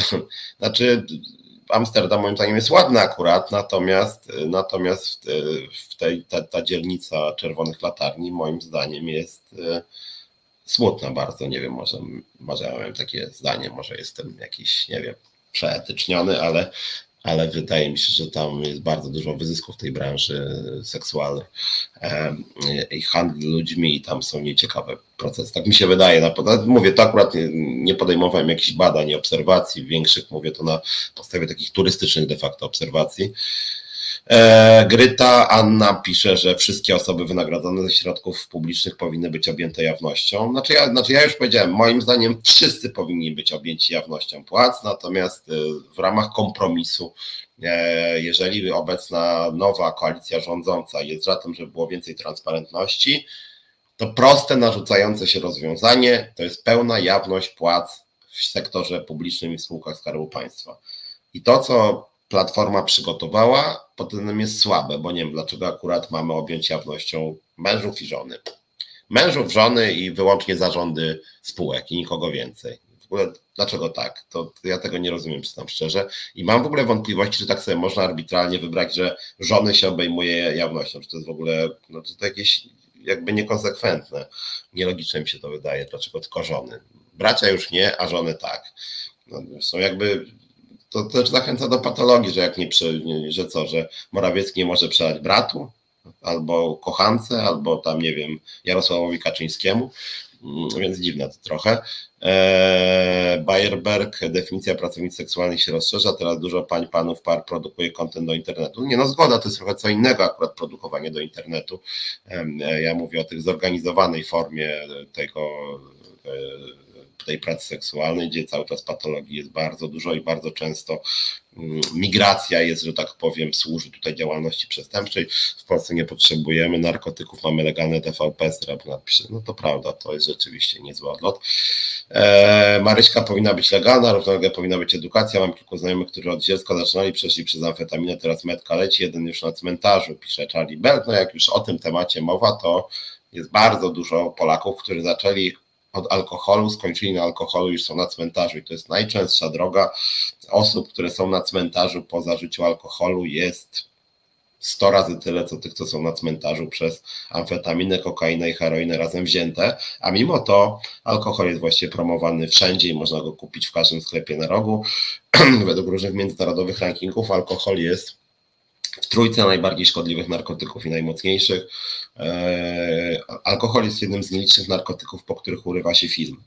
A mimo to wszyscy to promują, również osoby publiczne i nie ma z tym żadnego problemu, więc jak o to chodzi, to uważam, że warto było pomyśleć nad jakimś przynajmniej ograniczeniem sprzedaży alkoholu, czy nad podwyższeniem cen alkoholu, e, no bo to, że alkohol jest wszędzie dostępny, jest, no, marihuana jest pod każdym względem mniej szkodliwa niż alkohol, każdym względem również społecznym e, i zdrowotnym, jak już o to chodzi. E, Bayerberg, pomysł, jeśli pobierasz pensję z budżetówki, jesteś na stanowisku, które może zatwierdzać wydatki, to audyt majątku będzie się odbywał razem z rocznym rozliczeniem e, podatków. Znaczy ja jakby dla mnie ważniejsza niż jawność, niż jawność majątku jest, jest jawność pensji. Natomiast rzeczywiście jest tak, że jak część z Was tu wie, chyba Gosia o tym pisała, że e, skarbówka już teraz ma możliwości sprawdzania właśnie relacji między zarobkami i, e, i tym, co się dzieje z majątkiem, e, no bo można powiedzieć, że zarobki dla skarbówki są jawne. No oni mają nasze pity, tak? Widzą, ile zarabiamy i gdzie, więc jakby skarbówka ma dostęp do tego, jak zarabiamy. No cóż, cytując klasyka do polityki, nie idzie się dla pieniędzy, tylko zapomniał dać dla małych pieniędzy. Znaczy, moim zdaniem do, do polityki w Polsce część osób idzie dla pieniędzy, ale w szerszym tego słowa znaczeniu, czyli dla pieniędzy dla żony, kochanki, siostry, córki, przyjaciela i w tym sensie się idzie dla pieniędzy. Przynajmniej część idzie PiS. No PiS pokazał, że w takim mocnym tego słowa znaczeniu E, się idzie dla pieniędzy, bo mnóstwo tych ludzi poszło do spółek Skarbu Państwa. E, Janusz Agapit, że w Finlandii ma naliczane są od wysokości zarobków, Kojankowski miał nawet sprawę sądową za zaniżanie zarobków. A to ciekawe skądinąd. Też nie mam jednoznacznego zdania, czy właśnie mandaty naliczać od wysokości zarobków. Mm, na pewno no, w Polsce do niedawna należały do najniższych w Unii Europejskiej e, i osób było, e, ofiar wypadków w Polsce było prawie najwięcej, więc w Polsce to nie działało e, najlepiej. Moim zdaniem to będzie niekonstytucyjne, ale co Anna, bo ja już się bardzo dużo z tych wpisów, więc napiszę Anna, co byłoby niekonstytucyjne, bo mi się wydaje, że na przykład ta jawność majątków mąż, żon i mężów jest wątpliwa konstytucyjnie. Ja uważam, że uniwersalne rozwiązania są znacznie bardziej konstytucyjne niż wybieranie sobie jakichś arbitralnie wybranych osób e, po to, żeby coś tam miały, że tak powiem, okazać. No bo to właśnie mówię, właśnie dlaczego mąż czy żona polityka, która jest autonomicznym człowiekiem, miałaby akurat pokazywać swój majątek, będąc na przykład, e, nie wiem, kim, sprzedawczynią w spożywczym.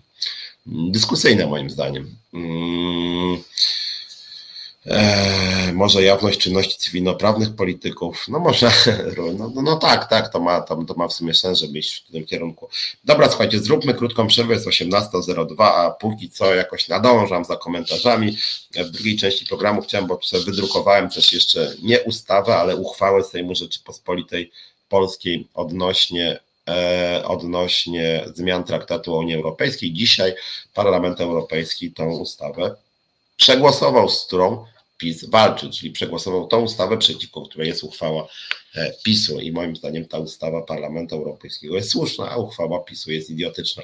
Ale o tym będziemy mówić po krótkiej przerwie. Napiję się może teraz jakiegoś soku, żeby łatwiej mówić. E, dobra, to robimy krótką przerwę i za kilka minutek wracam. Myśli i słowa. Właśnie to usłyszycie w programie Piotra Szumlewicza i Wojtka Krzyżaniaka. Redaktorzy nie wykonają jednak piosenki zespołu Bajm, choć zapewniamy, wielu chciałoby to usłyszeć. Szczególnie w takim dwugłosie. W zamian czeka nas złożony, choć podszyty humorem komentarz życia w Polsce i wydarzeń minionego tygodnia. Z jednej strony śmiesznie, z drugiej równie strasznie. Tydzień zleciał, bum. W każdy piątek po 20.30 w resecie obywatelskim. No i jestem, wracam. E, a propos piątku, przynajmniej ostatnio robimy ten program o 17 z Wojtkiem i w tym tygodniu też na 99% zrobimy o 17. Tak nam bardziej pasuje.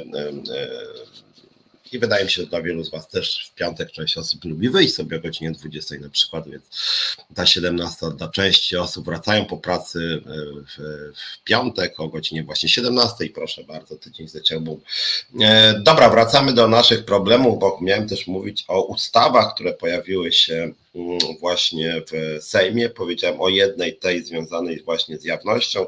Tak jak Wam powiedziałem, moim zdaniem to nie jest najlepszy kierunek e, odnośnie tej jawności majątków y, mężów i żon polityków.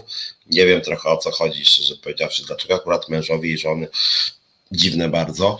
Y, wydaje mi się, że lepszym rozwiązaniem jest po prostu to, żeby była jakaś oczywiście ustawowo określona, pogłębiona kontrola tego, w jaki sposób są wydawane pieniądze czołowych urzędników państwowych, tak? Bo gdyby Morawiecki przerzucił 100 milionów dla kochanki, to co, to byłoby lepsze niż jak przerzucił dla żony? Nie wiem, co, co to ma być. E, czy znowu się pobijem? Charlie pyta, chodziło, nie wiem, czy widzieliście w ostatnim programie z Wojtkiem się pospieraliśmy trochę o partię razem Ja nie miałem wtedy czasu, dlatego że miałem pociąg do Wrocławia, gdzie właśnie się spotkałem między innymi z pracownikami ZUS-u, z naszymi członkami naszego zarządu, a Wojtek akurat się uparł wtedy, żebyśmy się spierali o to, czy partia razem dobrze zrobiła, czy niedobrze, e, że e, nie weszła do rządu. Ja sugerowałem, że nie wiem, czy dobrze, czy niedobrze, ale oszukała wyborców, a Wojtek się strasznie zdenerwował, bo ona generalnie chyba lubi partię razem. E, dla mnie są jednak pewnym rozczarowaniem, e, bo są słabi merytorycznie, a w tej sprawie akurat e, uważam, że no byli, startowali z listy, jednolitej listy, która powtarzała wielokrotnie jej liderzy, pan Czarzasty, pan Biedroń, że do rządu wejdą i że są częścią koalicji rządowej i w ogóle przekaz był taki, że koalicja miała startować, wszystkie te partie tej koalicji koalicji miała startować razem i później uznali, że podzielą się na trzy bloki, bo dzięki temu łatwiej im będzie wygrać z PiSem. W związku z tym, jeżeli razem nagle powiedział, że ono nie wchodzi do tego rządu, który miał wygrać z PiSem, no to moim zdaniem oszukał wyborców. Poza tym, jeżeli teraz mówimy, że te tam 200, ile 248 jest większe od 200, od 194, no to w takim razie już musimy mówić, że 241 bo nie ma tutaj posłów partii razem, więc też trochę psuje razem w ten sposób, nazwijmy to wizerunek. E, więc, e, e, znaczy opozycji odbiera jej trochę wiarygodności, tak, bo najpierw wszyscy się śmieją, że 248 do 194, po czym mówi Zandberg, nie, nie, nie 248, już 241. A to, że razem poprze powstanie rządu, no to tak działają rządy mniejszościowe, że ktoś za nimi jest, ale nie wchodzi do rządu. To jest formuła rządu mniejszościowego. Więc moim zdaniem mm, nie jest to przekonujące zupełnie. Mówię, ja prawie, gdybym ja miał własną partię, to ja bym nie mówił przed wyborami, że na pewno wejdę do rządu, ale oni akurat to mówili. W związku z tym e, liderzy e, lewicy, która była, jak mówię, jednolitą frakcją. No ale o tym będziemy pewnie mówić z Wojtkiem w piątek, pewnie od tematu jakoś tam e, wrócimy. E, i o tym porozmawiamy. Janusz Agapit, państwo gdyby chciało, to już teraz ma mechanizmy pozwalające na ściganie takich przepisywań majątku, tylko nikt nie chce tego ruszać. Przepisał na kolegę, trzepie się go gruntownie i tyle. Dokładnie tak, Janusz, ja dlatego mówię, że skarbówka ma takie możliwości. Tylko teraz pytanie jest nie o to, czy skarbówka ma coś takiego robić, tylko rzecz w pewnym sensie dotyczy jak to, tego, jak to ma wyglądać przed społeczeństwem. Kto przed społeczeństwem publicznie ma ujawnić swój majątek czy dochód?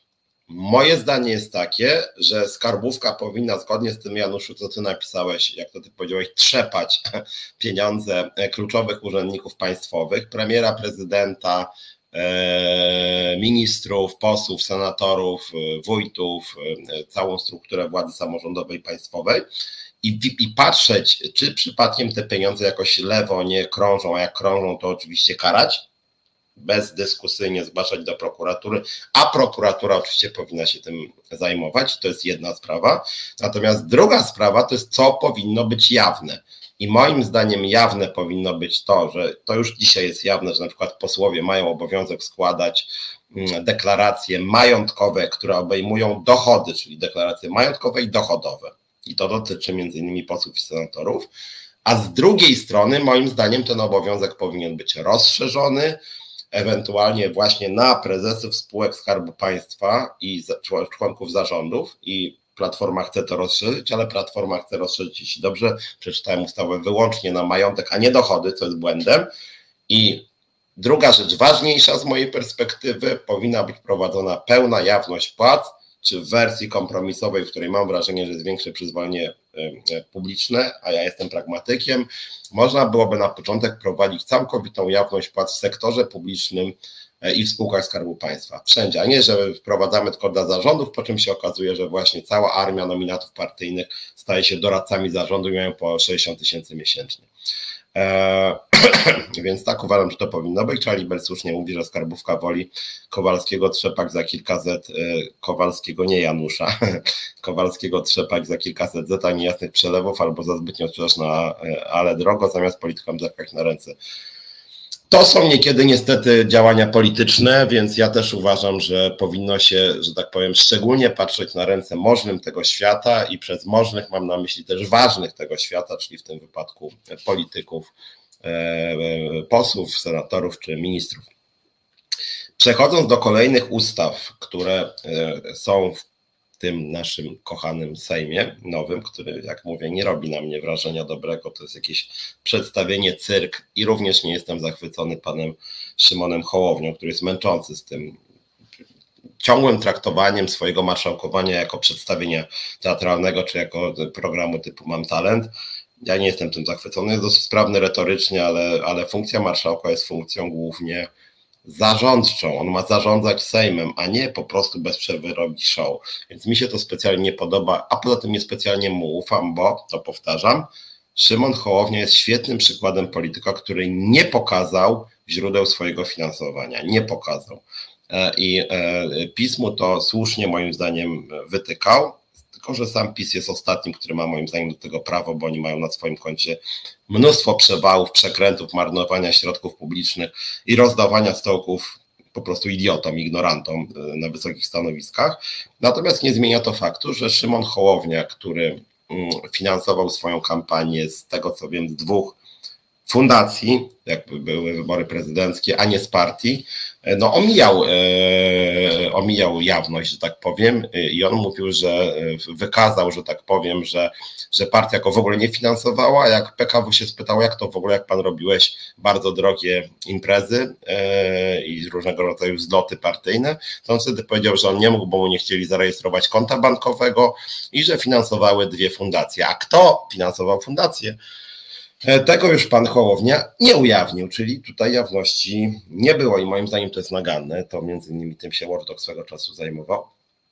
A Watchdog akurat jest uczciwą organizacją, która wszystkim patrzy na ręce. Watchdog również się słusznie przyczepił do mm, Biedronia na przykład, który również nie ujawnił finansowania, nie pokazał finansowania wiosny, po czym wiosna znikła i on już uznał, że wszystko jest w porządku, a sam wypłynął i zdobył stanowisko przed do Europarlamentu, więc moim zdaniem to są przypadki dosyć naganne. To znaczy, nie powinno tak być, bo ja to czasem mówię, jeżeli na przykład my byśmy jako Związkowa Alternatywa wystartowali do Sejmu, to my byśmy mogli, jako Komitet Wyborczy Wyborców, z drugiej strony związki zawodowe nie mają obowiązku mówienia skąd mają pieniądze, więc moglibyśmy w ogóle ominąć obowiązek jawności, a moim zdaniem byłoby to nieetyczne.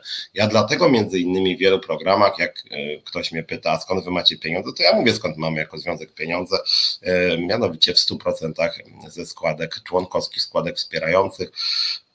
Skąd są te składki wspierające? Również mówię, odsyłam do naszych zbiórek, które są również publicznie dostępne, więc każdy sobie może sprawdzać skąd mamy pieniądze, żadnych innych źródeł pieniędzy my nie mamy po prostu. E, no a Hołownia nic takiego nie mówił, nie mówił skąd mieli pieniądze, to były pieniądze, sądząc po rozmachu tych jego imprez, naprawdę bardzo duże. W związku z tym uważam, że to jest e, naganne. Czy KWW ma próg 5% za Srebrnar? Tak jest, ma próg 5%. E, właśnie Komitet Wyborczy Wyborców ma 5%, a koalicje mają 8, więc KWW ma 5%. Jedna wada KWW jest taka, że z tego co pamiętam, komitety wyborcze wyborców nie mają później, mm, e, nie mają później finansowania publicznego. To też moim zdaniem jest e, dość naganne, ale no ale tak jest w przepisach, że po prostu nie mają, czyli one nie dostają później od państwa pieniędzy, ale ale próg jest 5%, tak, dokładnie tak to wygląda.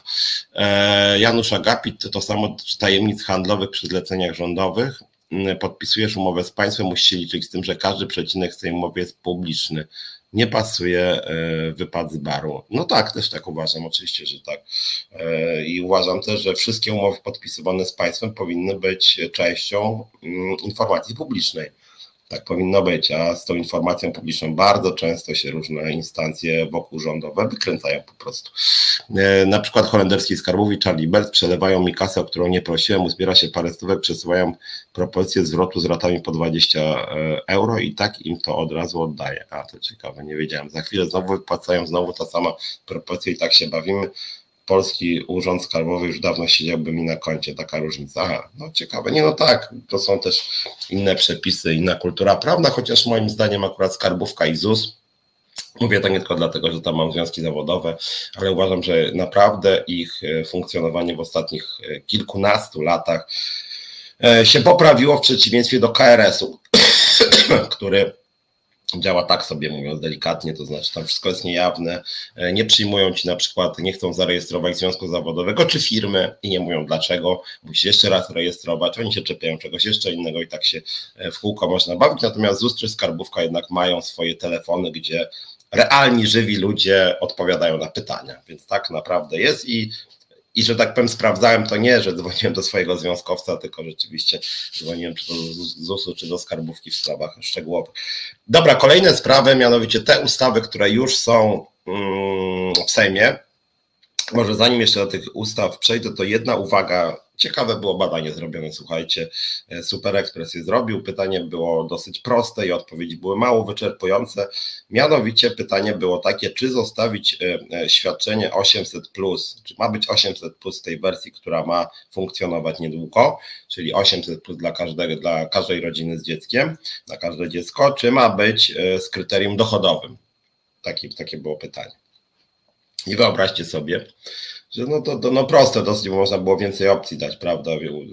Czy, czy mamy obniżać na przykład, czy ma być 500, czy 800, czy coś jeszcze innego. No ale generalnie pytanie było takie, czy ma być 800 plus dla wszystkich, czy 800 plus kryterium dochodowym. I słuchajcie, 63% Polaków i Polek powiedziało, że ma być z kryterium dochodowym, tylko 37% powiedziało, że ma być dla wszystkich, czyli zdecydowana większość Polaków i Polek jest za tym, żeby ograniczyć program Rodzina 800 radykalnie ograniczyć. Tam nie było progów podanych, ale gdyby na przykład przy jakiejś tam waloryzacji wróciły progi tam z 2016 roku, to by polskie państwo zaoszczędziło kwoty rzędu 20 miliardów złotych.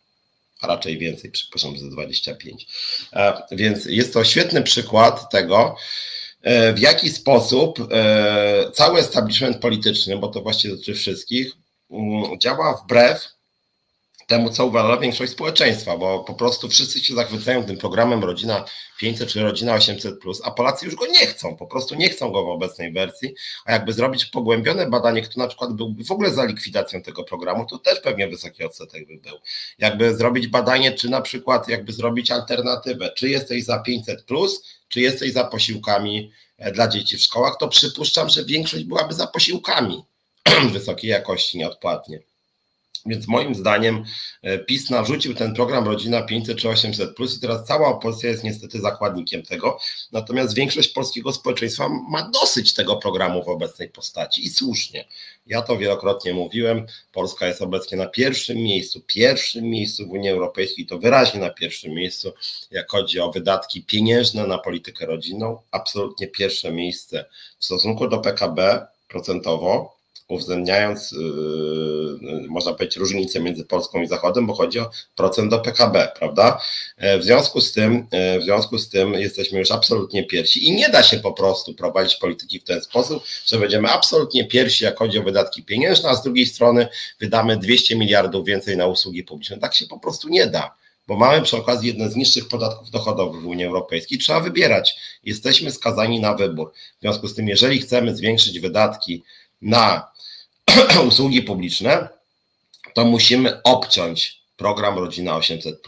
Ja jestem zwolennikiem tego, żeby na przykład zmniejszyć 800 plus do 400 plus e, i wprowadzić kryterium dochodowe, na przykład. I wtedy zaoszczędzamy 35 miliardów na przykład e, rocznie i mamy pieniądze na posiłki w szkołach. Nie wiem dlaczego Waldku to jest utopia. Co jest z tym utopijnego, skoro jest to, są to programy, które funkcjonują w wielu krajach Unii Europejskiej, w Szwecji to są bardzo rozwinięte, e, bardzo rozwinięte posiłki. Tam ustawy bazują na konsultacjach z różnymi tam ekspertami, E, dietetycznymi, są posiłki dostosowane do e, różnych grup dzieci, które mają różnego rodzaju schorzenia. To jest bardzo rozbudowany i bardzo drogi system i bardzo potrzebny system, który pozytywnie przekłada się na zdrowie dzieci, a zdrowie dzieci to jest zdrowie dorosłych ludzi też, który przy okazji egalitaryzuje, dlatego że dzięki temu programowi wszystkie dzieci, niezależnie czy z domów bogatych czy biednych, mają dostęp do tych samych wysokiej jakości posiłków absolutnie świetny program. Znaczy, to jest jeden z wielu, który ja jakby wymieniam, co można zrobić y, w polityce społecznej lepszego niż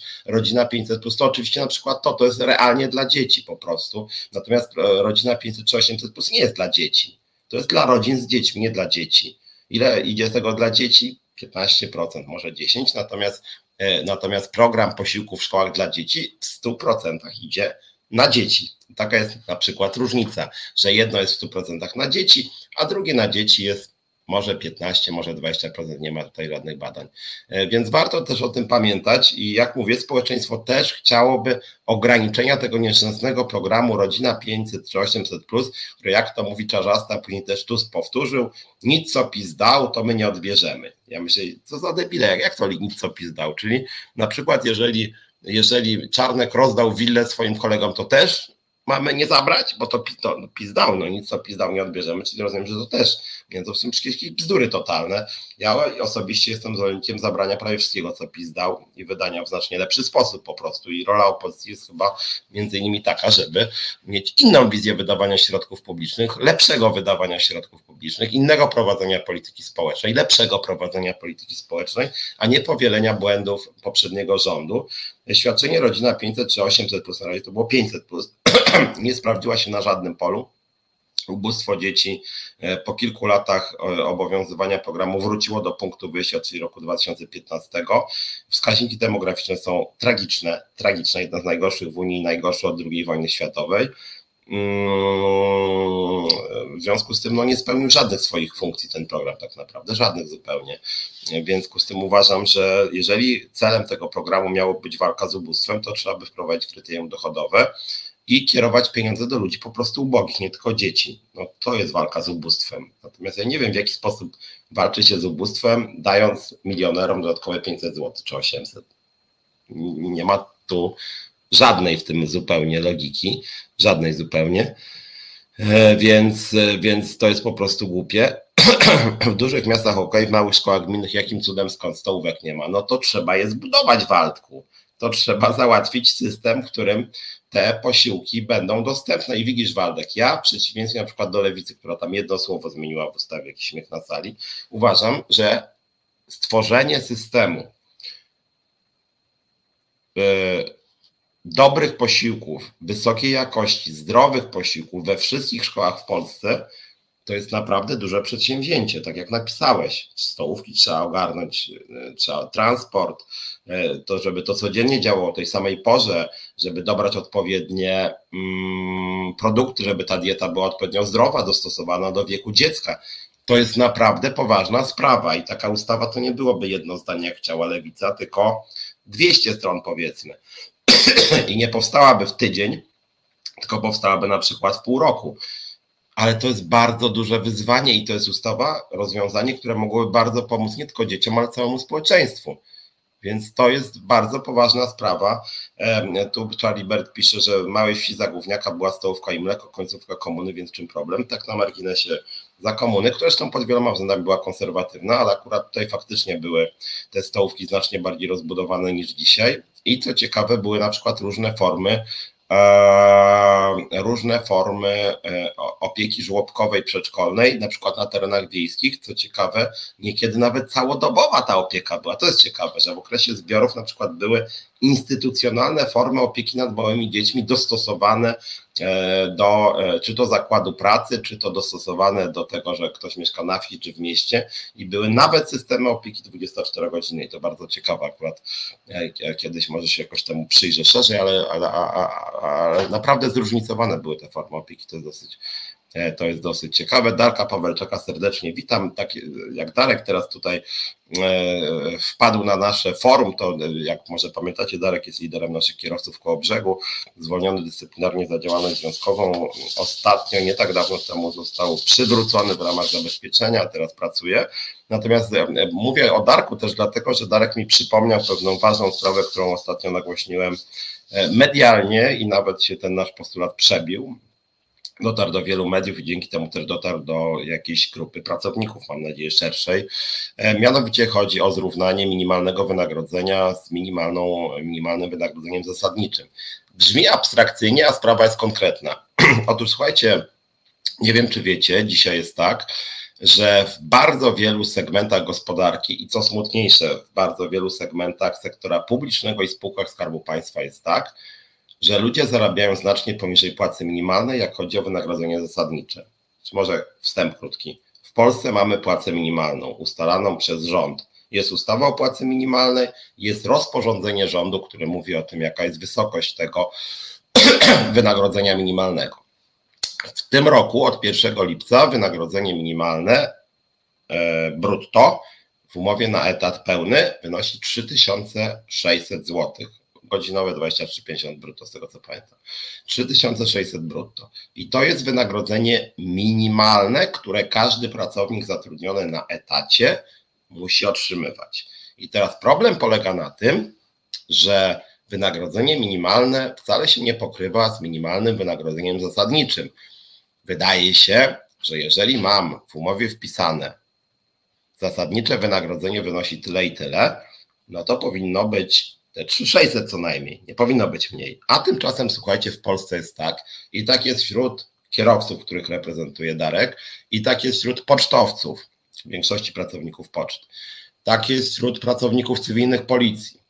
Tak jest wśród niektórych grup pracowników socjalnych. Tak jest wśród części grup pracowników urzędów marszałkowskich i wojewódzkich, że wynagrodzenie zasadnicze wynosi na przykład 3000 zł brutto, nie 3600, 3000 zł brutto, a pracodawca uzupełnia do 3600, a to premią, a to nagrodą, a to dodatkiem funkcyjnym, a to jakimś tam jeszcze czymś wynikającym z parametru procentem, nie wiadomo czego.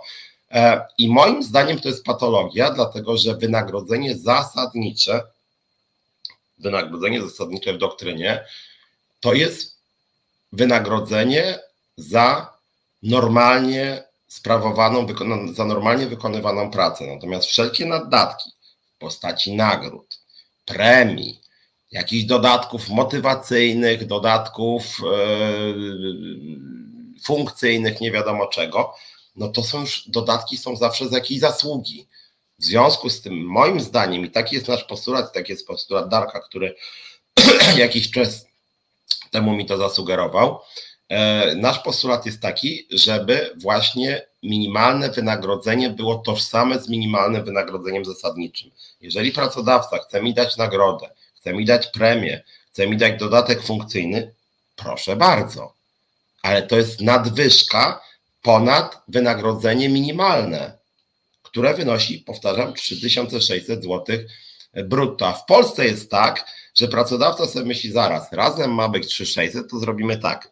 2700 ustalimy sobie wynagrodzenie zasadnicze, 300 będzie premii jakiejś tam i 600 dodatek funkcyjny i razem 3600 no to krótko mówiąc, gdyby nie dodatek funkcyjny, jakaś premia, rozumiem, że za jakieś zasługi, to ja miałbym 2700. No to jest dużo poniżej płacy minimalnej. Moim zdaniem to jest oszustwo. Więc, więc my postulujemy, żeby, żeby płaca minimalna wynosiła 3600 zł i była tożsama z wynagrodzeniem zasadniczym minimalnym. Znaczy, oczywiście my byśmy chcieli, żeby ta płaca minimalna jeszcze troszkę szybciej rosła. Niemniej jednak problem w Polsce nie polega na tym, że płaca minimalna jest bardzo niska, bo ona ostatnio dość relatywnie szybko rośnie, tylko żeby rzeczywiście było tak, że płaca minimalna jest tożsama z wynagrodzeniem minimalnym zasadniczym, a nie, że pracodawca kombinuje i, i, i, i nie wiem, zarabiam 2500 wynagrodzenia zasadniczego, a poza tym mam jeszcze 1100 jakichś dziwnych dodatków. Moim zdaniem to jest patologia, która, e, która smutne to bardzo, ale ona jest e, obecna przede wszystkim w sektorze publicznym, samorządowym, spółkach Skarbu Państwa. I to jest strasznie smutne, że polskie państwo daje fatalny przykład e, odnośnie całego rynku pracy, że można kombinować. Bo nie powinno moim zdaniem tak być. I moim zdaniem jest tak, że rzeczywiście z tej płacy minimalnej powinny być wyłączone wszystkie dodatki.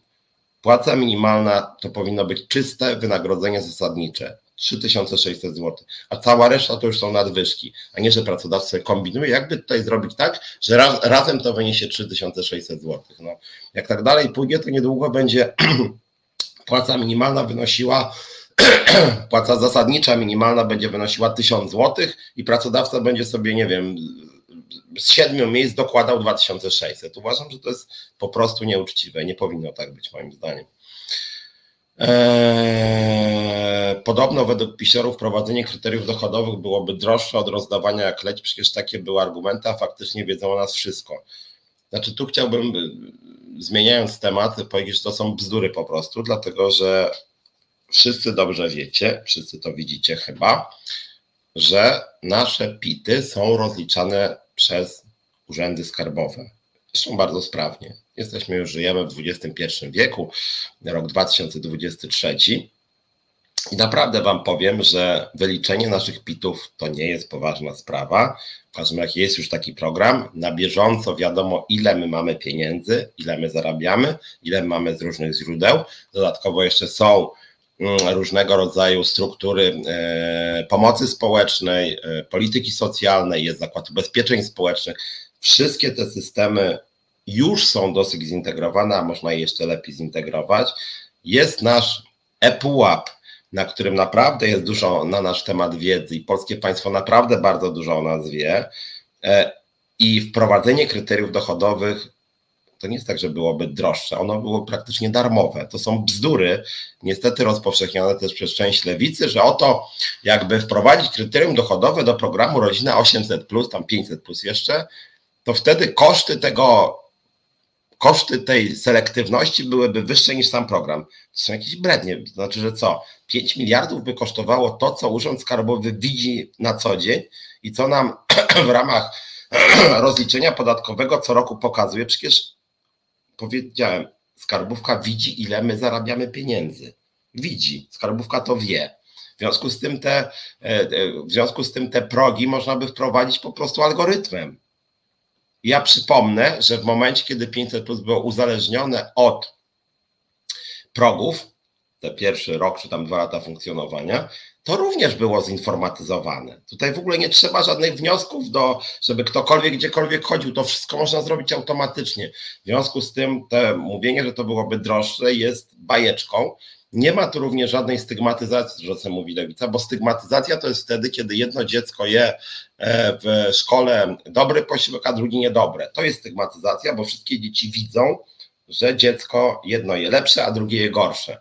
Natomiast przekazywanie pieniędzy przez system, który jest zinformatyzowany, nikt nie, nie chodzi, jaka tu jest stygmatyzacja? Tak jakby powiedzieć, że stygmatyzacją jest, nie wiem, zasiłek dla bezrobotnych, albo stygmatyzacją jest to, że w jednej firmie ludzie zarabiają więcej, a drudzy mniej. No, no nie idźmy w tym kierunku. No, stygmatyzacja to jest wtedy, kiedy, kiedy, kiedy, kiedy dana osoba jest w jakiejś mierze, jak sama nazwa wskazuje, stygmatyzowana, wskazana jako gorsza, jako taka, której coś się nie należy, czegoś nie dostaje. Tutaj nie ma niczego takiego. Więc, więc ja uważam, że wprowadzenie tych kryteriów dochodowych to jest w tym wypadku bardzo dobry pomysł, tym bardziej, jeżeli mówimy, że rolą 500 plus ma być walka z ubóstwem. No to naprawdę powtarzam, co to za walka z ubóstwem, kiedy, polegająca na tym, że milionerom dajemy 500 czy 800 zł. To nie jest walka z ubóstwem, to jest po prostu wyrzucanie publicznych pieniędzy. Eee, szkoła niech zajmie się edukacją, a nie żywieniem, może dobry catering byłby rozwiązaniem. Otóż Waldku nie. Jedną z podstaw dobrze funkcjonującej polityki społecznej powinno być umożliwienie łączenia ról zawodowych i rodzinnych kobietom i mężczyznom. W Polsce problem dotyczy głównie kobiet, bo one mniej zarabiają na rynku pracy, a w sytuacji, kiedy nie ma rozwiniętej opieki instytucjonalnej, żłobkowej, przedszkolnej, szkolnej, to wtedy kobiety częściej wypadają z rynku pracy. Jeżeli by szkoła przejęła funkcję wysokiej jakości żywienia, to wtedy kobiety nie muszą gotować dla dzieci, mówiąc wprost. I kobiety mogą iść do pracy. Więc sprzyja takie rozwiązanie aktywizacji zawodowej kobiet. Raz. Dwa.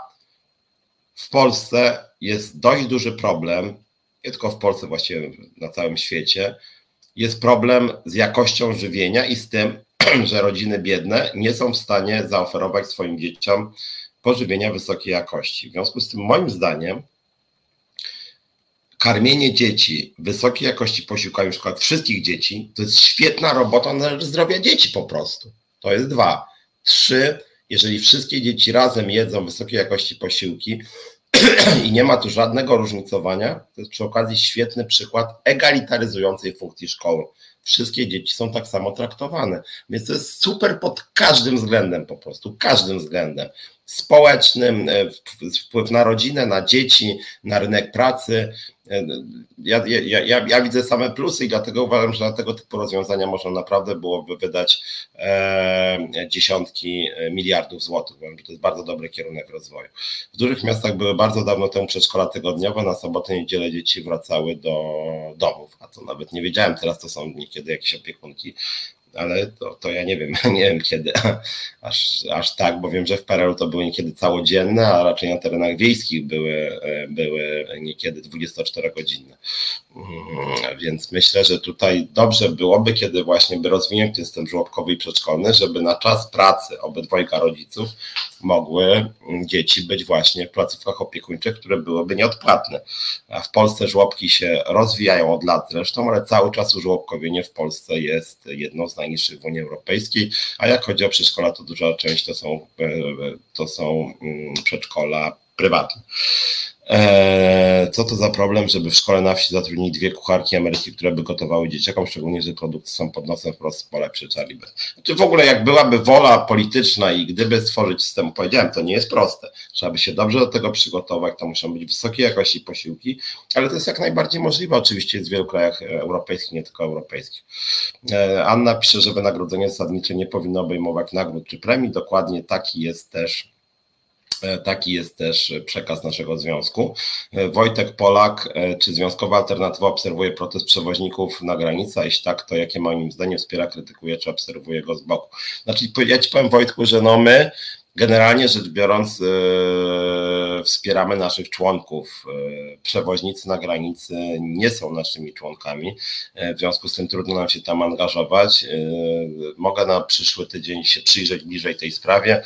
Generalnie rzecz biorąc, my zapraszamy kierowców w nasze szeregi. Wiem, że na przykład Srebrny Art właśnie był przez lata kierowcą, mm, jest, i, e, i, i my zapraszamy oczywiście wszystkich. Moje zdanie, jak chodzi o tych przewoźników wokół granicznych, tych międzynarodowych, e, kluczowe jest tutaj zrównanie sytuacji polskich, e, polskich kierowców z tymi kierowcami z firm zagranicznych. Niestety, i tu zaraz przejdziemy do ostatniego, może wątku naszego dzisiejszego programu.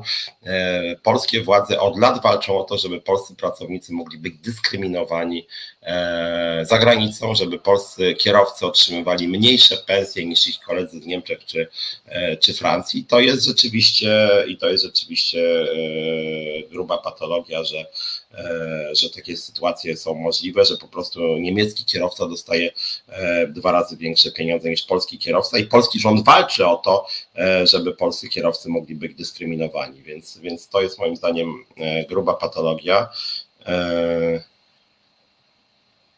momencie, tu sobie patrzę odnośnie tego protestu, żeby się też bezpośrednio odnieść, bo ty masz na myśli protest po, przy, tak, przy, przy granicy ukraińskiej. Nie chcę się tutaj, szczerze powiedziawszy, na temat jednoznacznie wypowiadać. Y, moim zdaniem, y, moim zdaniem problem z, z tymi firmami ukraińskimi jest taki, że że najpierw e, polskie państwo powiedziało, że chce e, wprowadzić Ukrainę do Unii Europejskiej, że jest bardzo otwarte, że to są nasi przyjaciele, a później jak się zaczęły konkretne, konkretne wyzwania związane z otwarciem granic dla Ukraińców, to Polska stała się najbardziej antyukraińskim krajem w Unii Europejskiej. I to niestety wygląda dosyć strasznie.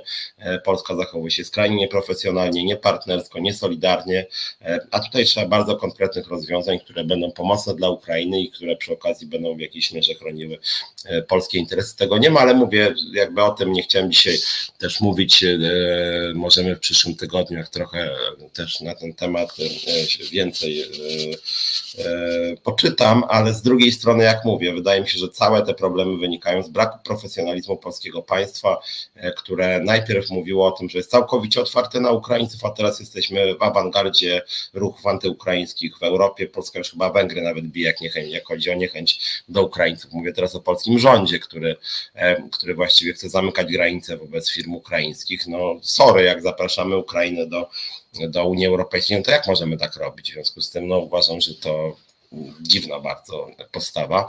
E, dodatek funkcyjny przy płacy minimalnej jawna kpina. Piotr Strychalski pisze, e, pracodawca ponosi sumaryczne koszty podobne albo wręcz większe niż dla czystego minimalnego. No więc właśnie to są takie kombinatorstwa, które niestety są bardzo często i które my widzimy naprawdę w takich zawodach zaufania publicznego typu pracownik cywilny, policji czy pracownik socjalny, że tu jakaś podstawa 3100, jakiś dodatek 500 zł. No przecież to jest w ogóle jakieś, jakieś kuriozum.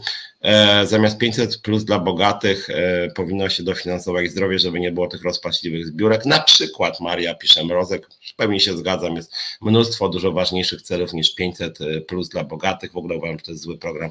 Od samego początku obecnej wersji, ja już mówiłem nieraz, jestem zwolennikiem minimalnego dochodu gwarantowanego, minimalnego, nie powszechnego, czyli minimalnego dochodu, czyli że, że państwo uzupełnia do pewnej kwoty dla, yy, dla pewnego limitu ubóstwa, tak? Czyli jeżeli ktoś ma dochód na przykład, nie wiem, yy, 1000 zł, a, a, a to minimum jest, nie wiem, 1300, to państwo dorzuca 300 zł dla obywatela. I to niezależnie od tego, czy ma dzieci, czy nie ma, bo na przykład grupą bardzo defaworyzowaną w Polsce są renciści, są osoby z niepełnosprawnościami, tam wskaźniki ubóstwa są ponadprzeciętnie wysokie, E, gospodarstwa domowe w ogóle, w których są osoby bezrobotne, czy renciści, czy osoby z niepełnosprawnościami.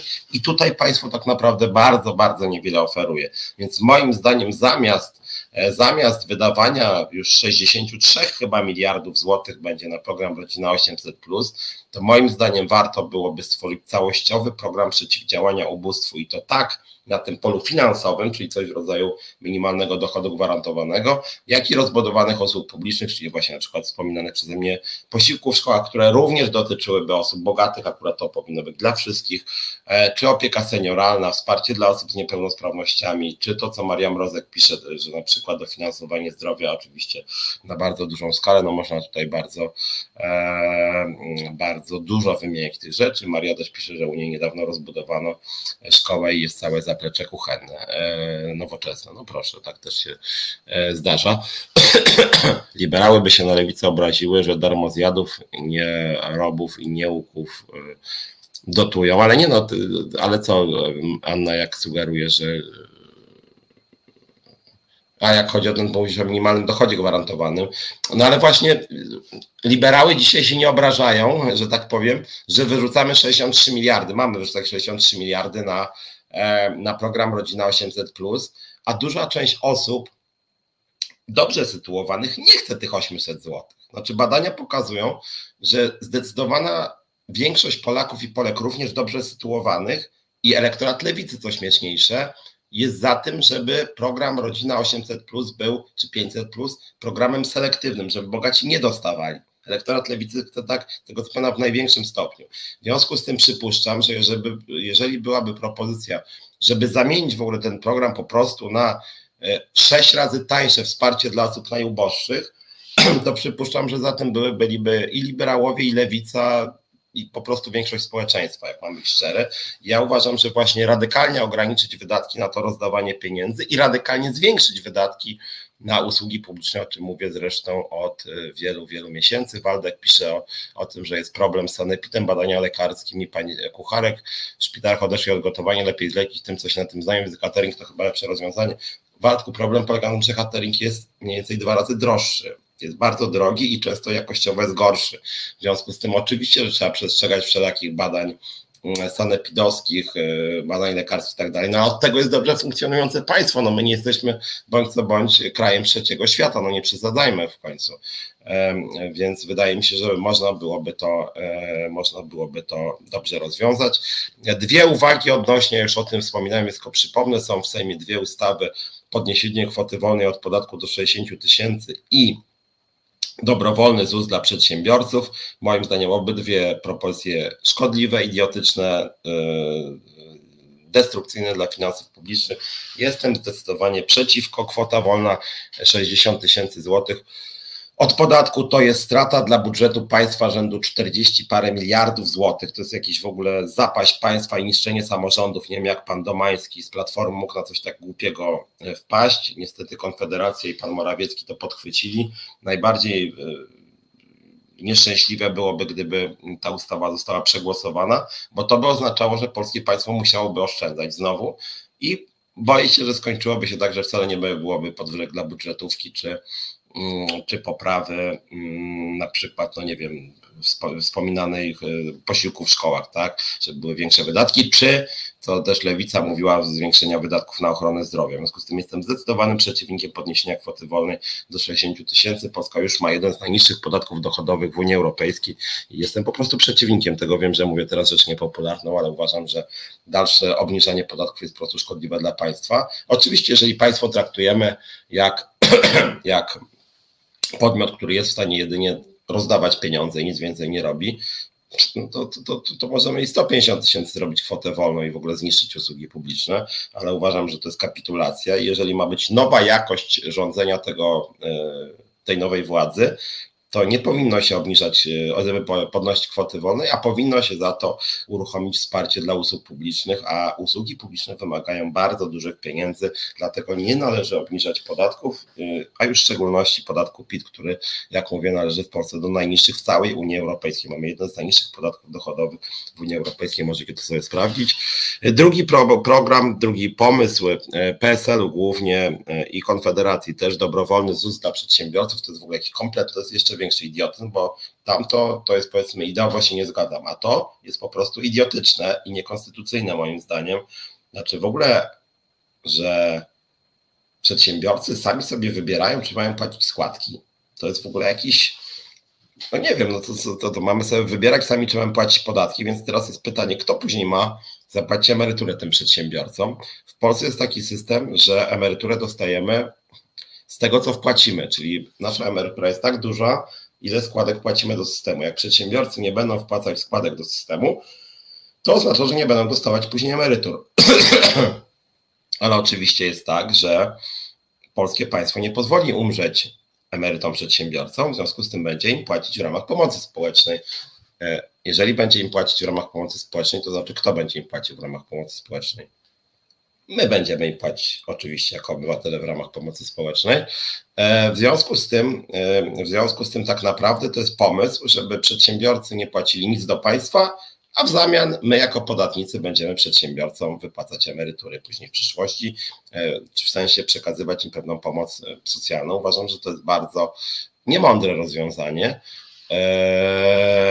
I to jest po prostu szkodliwe, więc ja uważam, że nie powinno to przejść. Mam nadzieję, że ten dobrowolny ZUS dla przedsiębiorców jednak zostanie odrzucony. To jest nieodpowiedzialny, destrukcyjny dla systemu emerytalnego, destrukcyjny dla finansów publicznych i po prostu niesprawiedliwy. Hmm. Srebrny Art na granicy przede wszystkim sprawa olał rząd. Jest to celowe działanie odchodzącego gabinetu, żeby skłócić Polskę z Ukrainą. Znaczy częściowo tak. Ten, tu Wojtek też pisze, że to może być potencjał kryzysowy, duży problem na starcie nowego rządu. Znaczy prawda jest też taka, że jak powiedziałem, PiS nie umie zarządzać jakimkolwiek segmentem gospodarki, nie umie też zarządzać rolnictwem.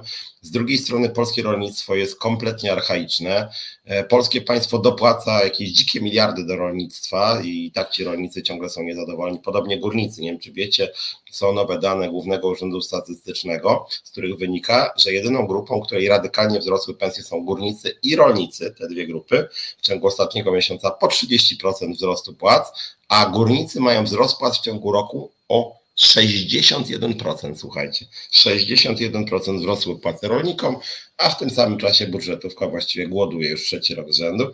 Więc moim zdaniem, jak chodzi o priorytety na liście zawodów, które są najważniejsze dla państwa, no to śmiem twierdzić, że znacznie bardziej przyszłościowym i ważnym zawodem jest zawód pracownika socjalnego, nauczyciela e, czy lekarza niż górnika. I uważam, że to ciągłe podnoszenie pensji na 60% w ciągu roku, ludzie, no, a w tym samym czasie e, pracownicy socjalni, pracownicy cywilni policji, część pracowników ZUS-u zarabia w okolicach płacy minimalnej, no to to jest jakiś po prostu moim zdaniem mm, dramat.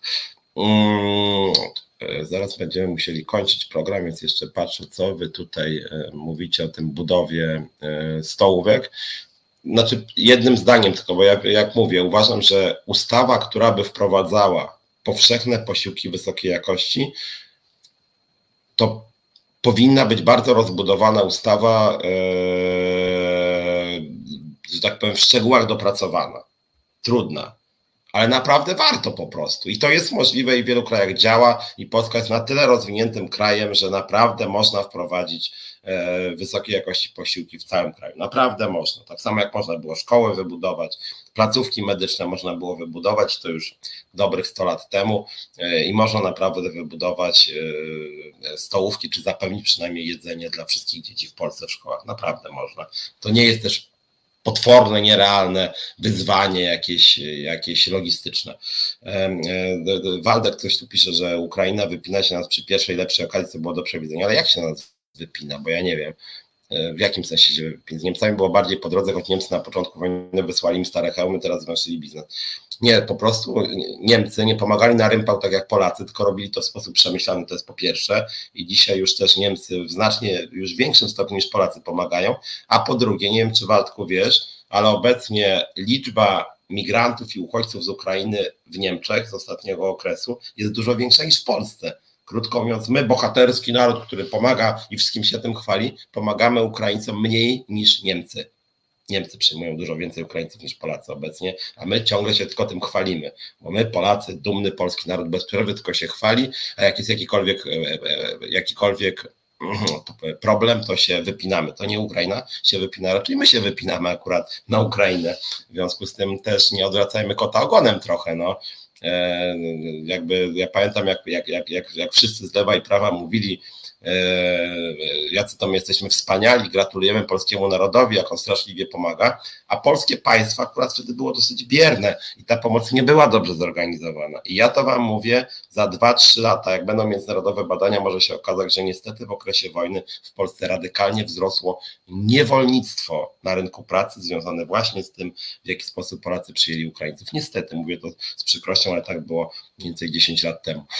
E, dobra, powoli muszę, muszę kończyć. Nie mówiłem dzisiaj o tej kwestii, o którą aż sobie przygotowałem dokument, więc tylko pół minuty. Uchwałę przygotował PiS odnośnie zatrzymania zmian traktatu o Unii Europejskiej, traktatu o funkcjonowaniu Unii Europejskiej.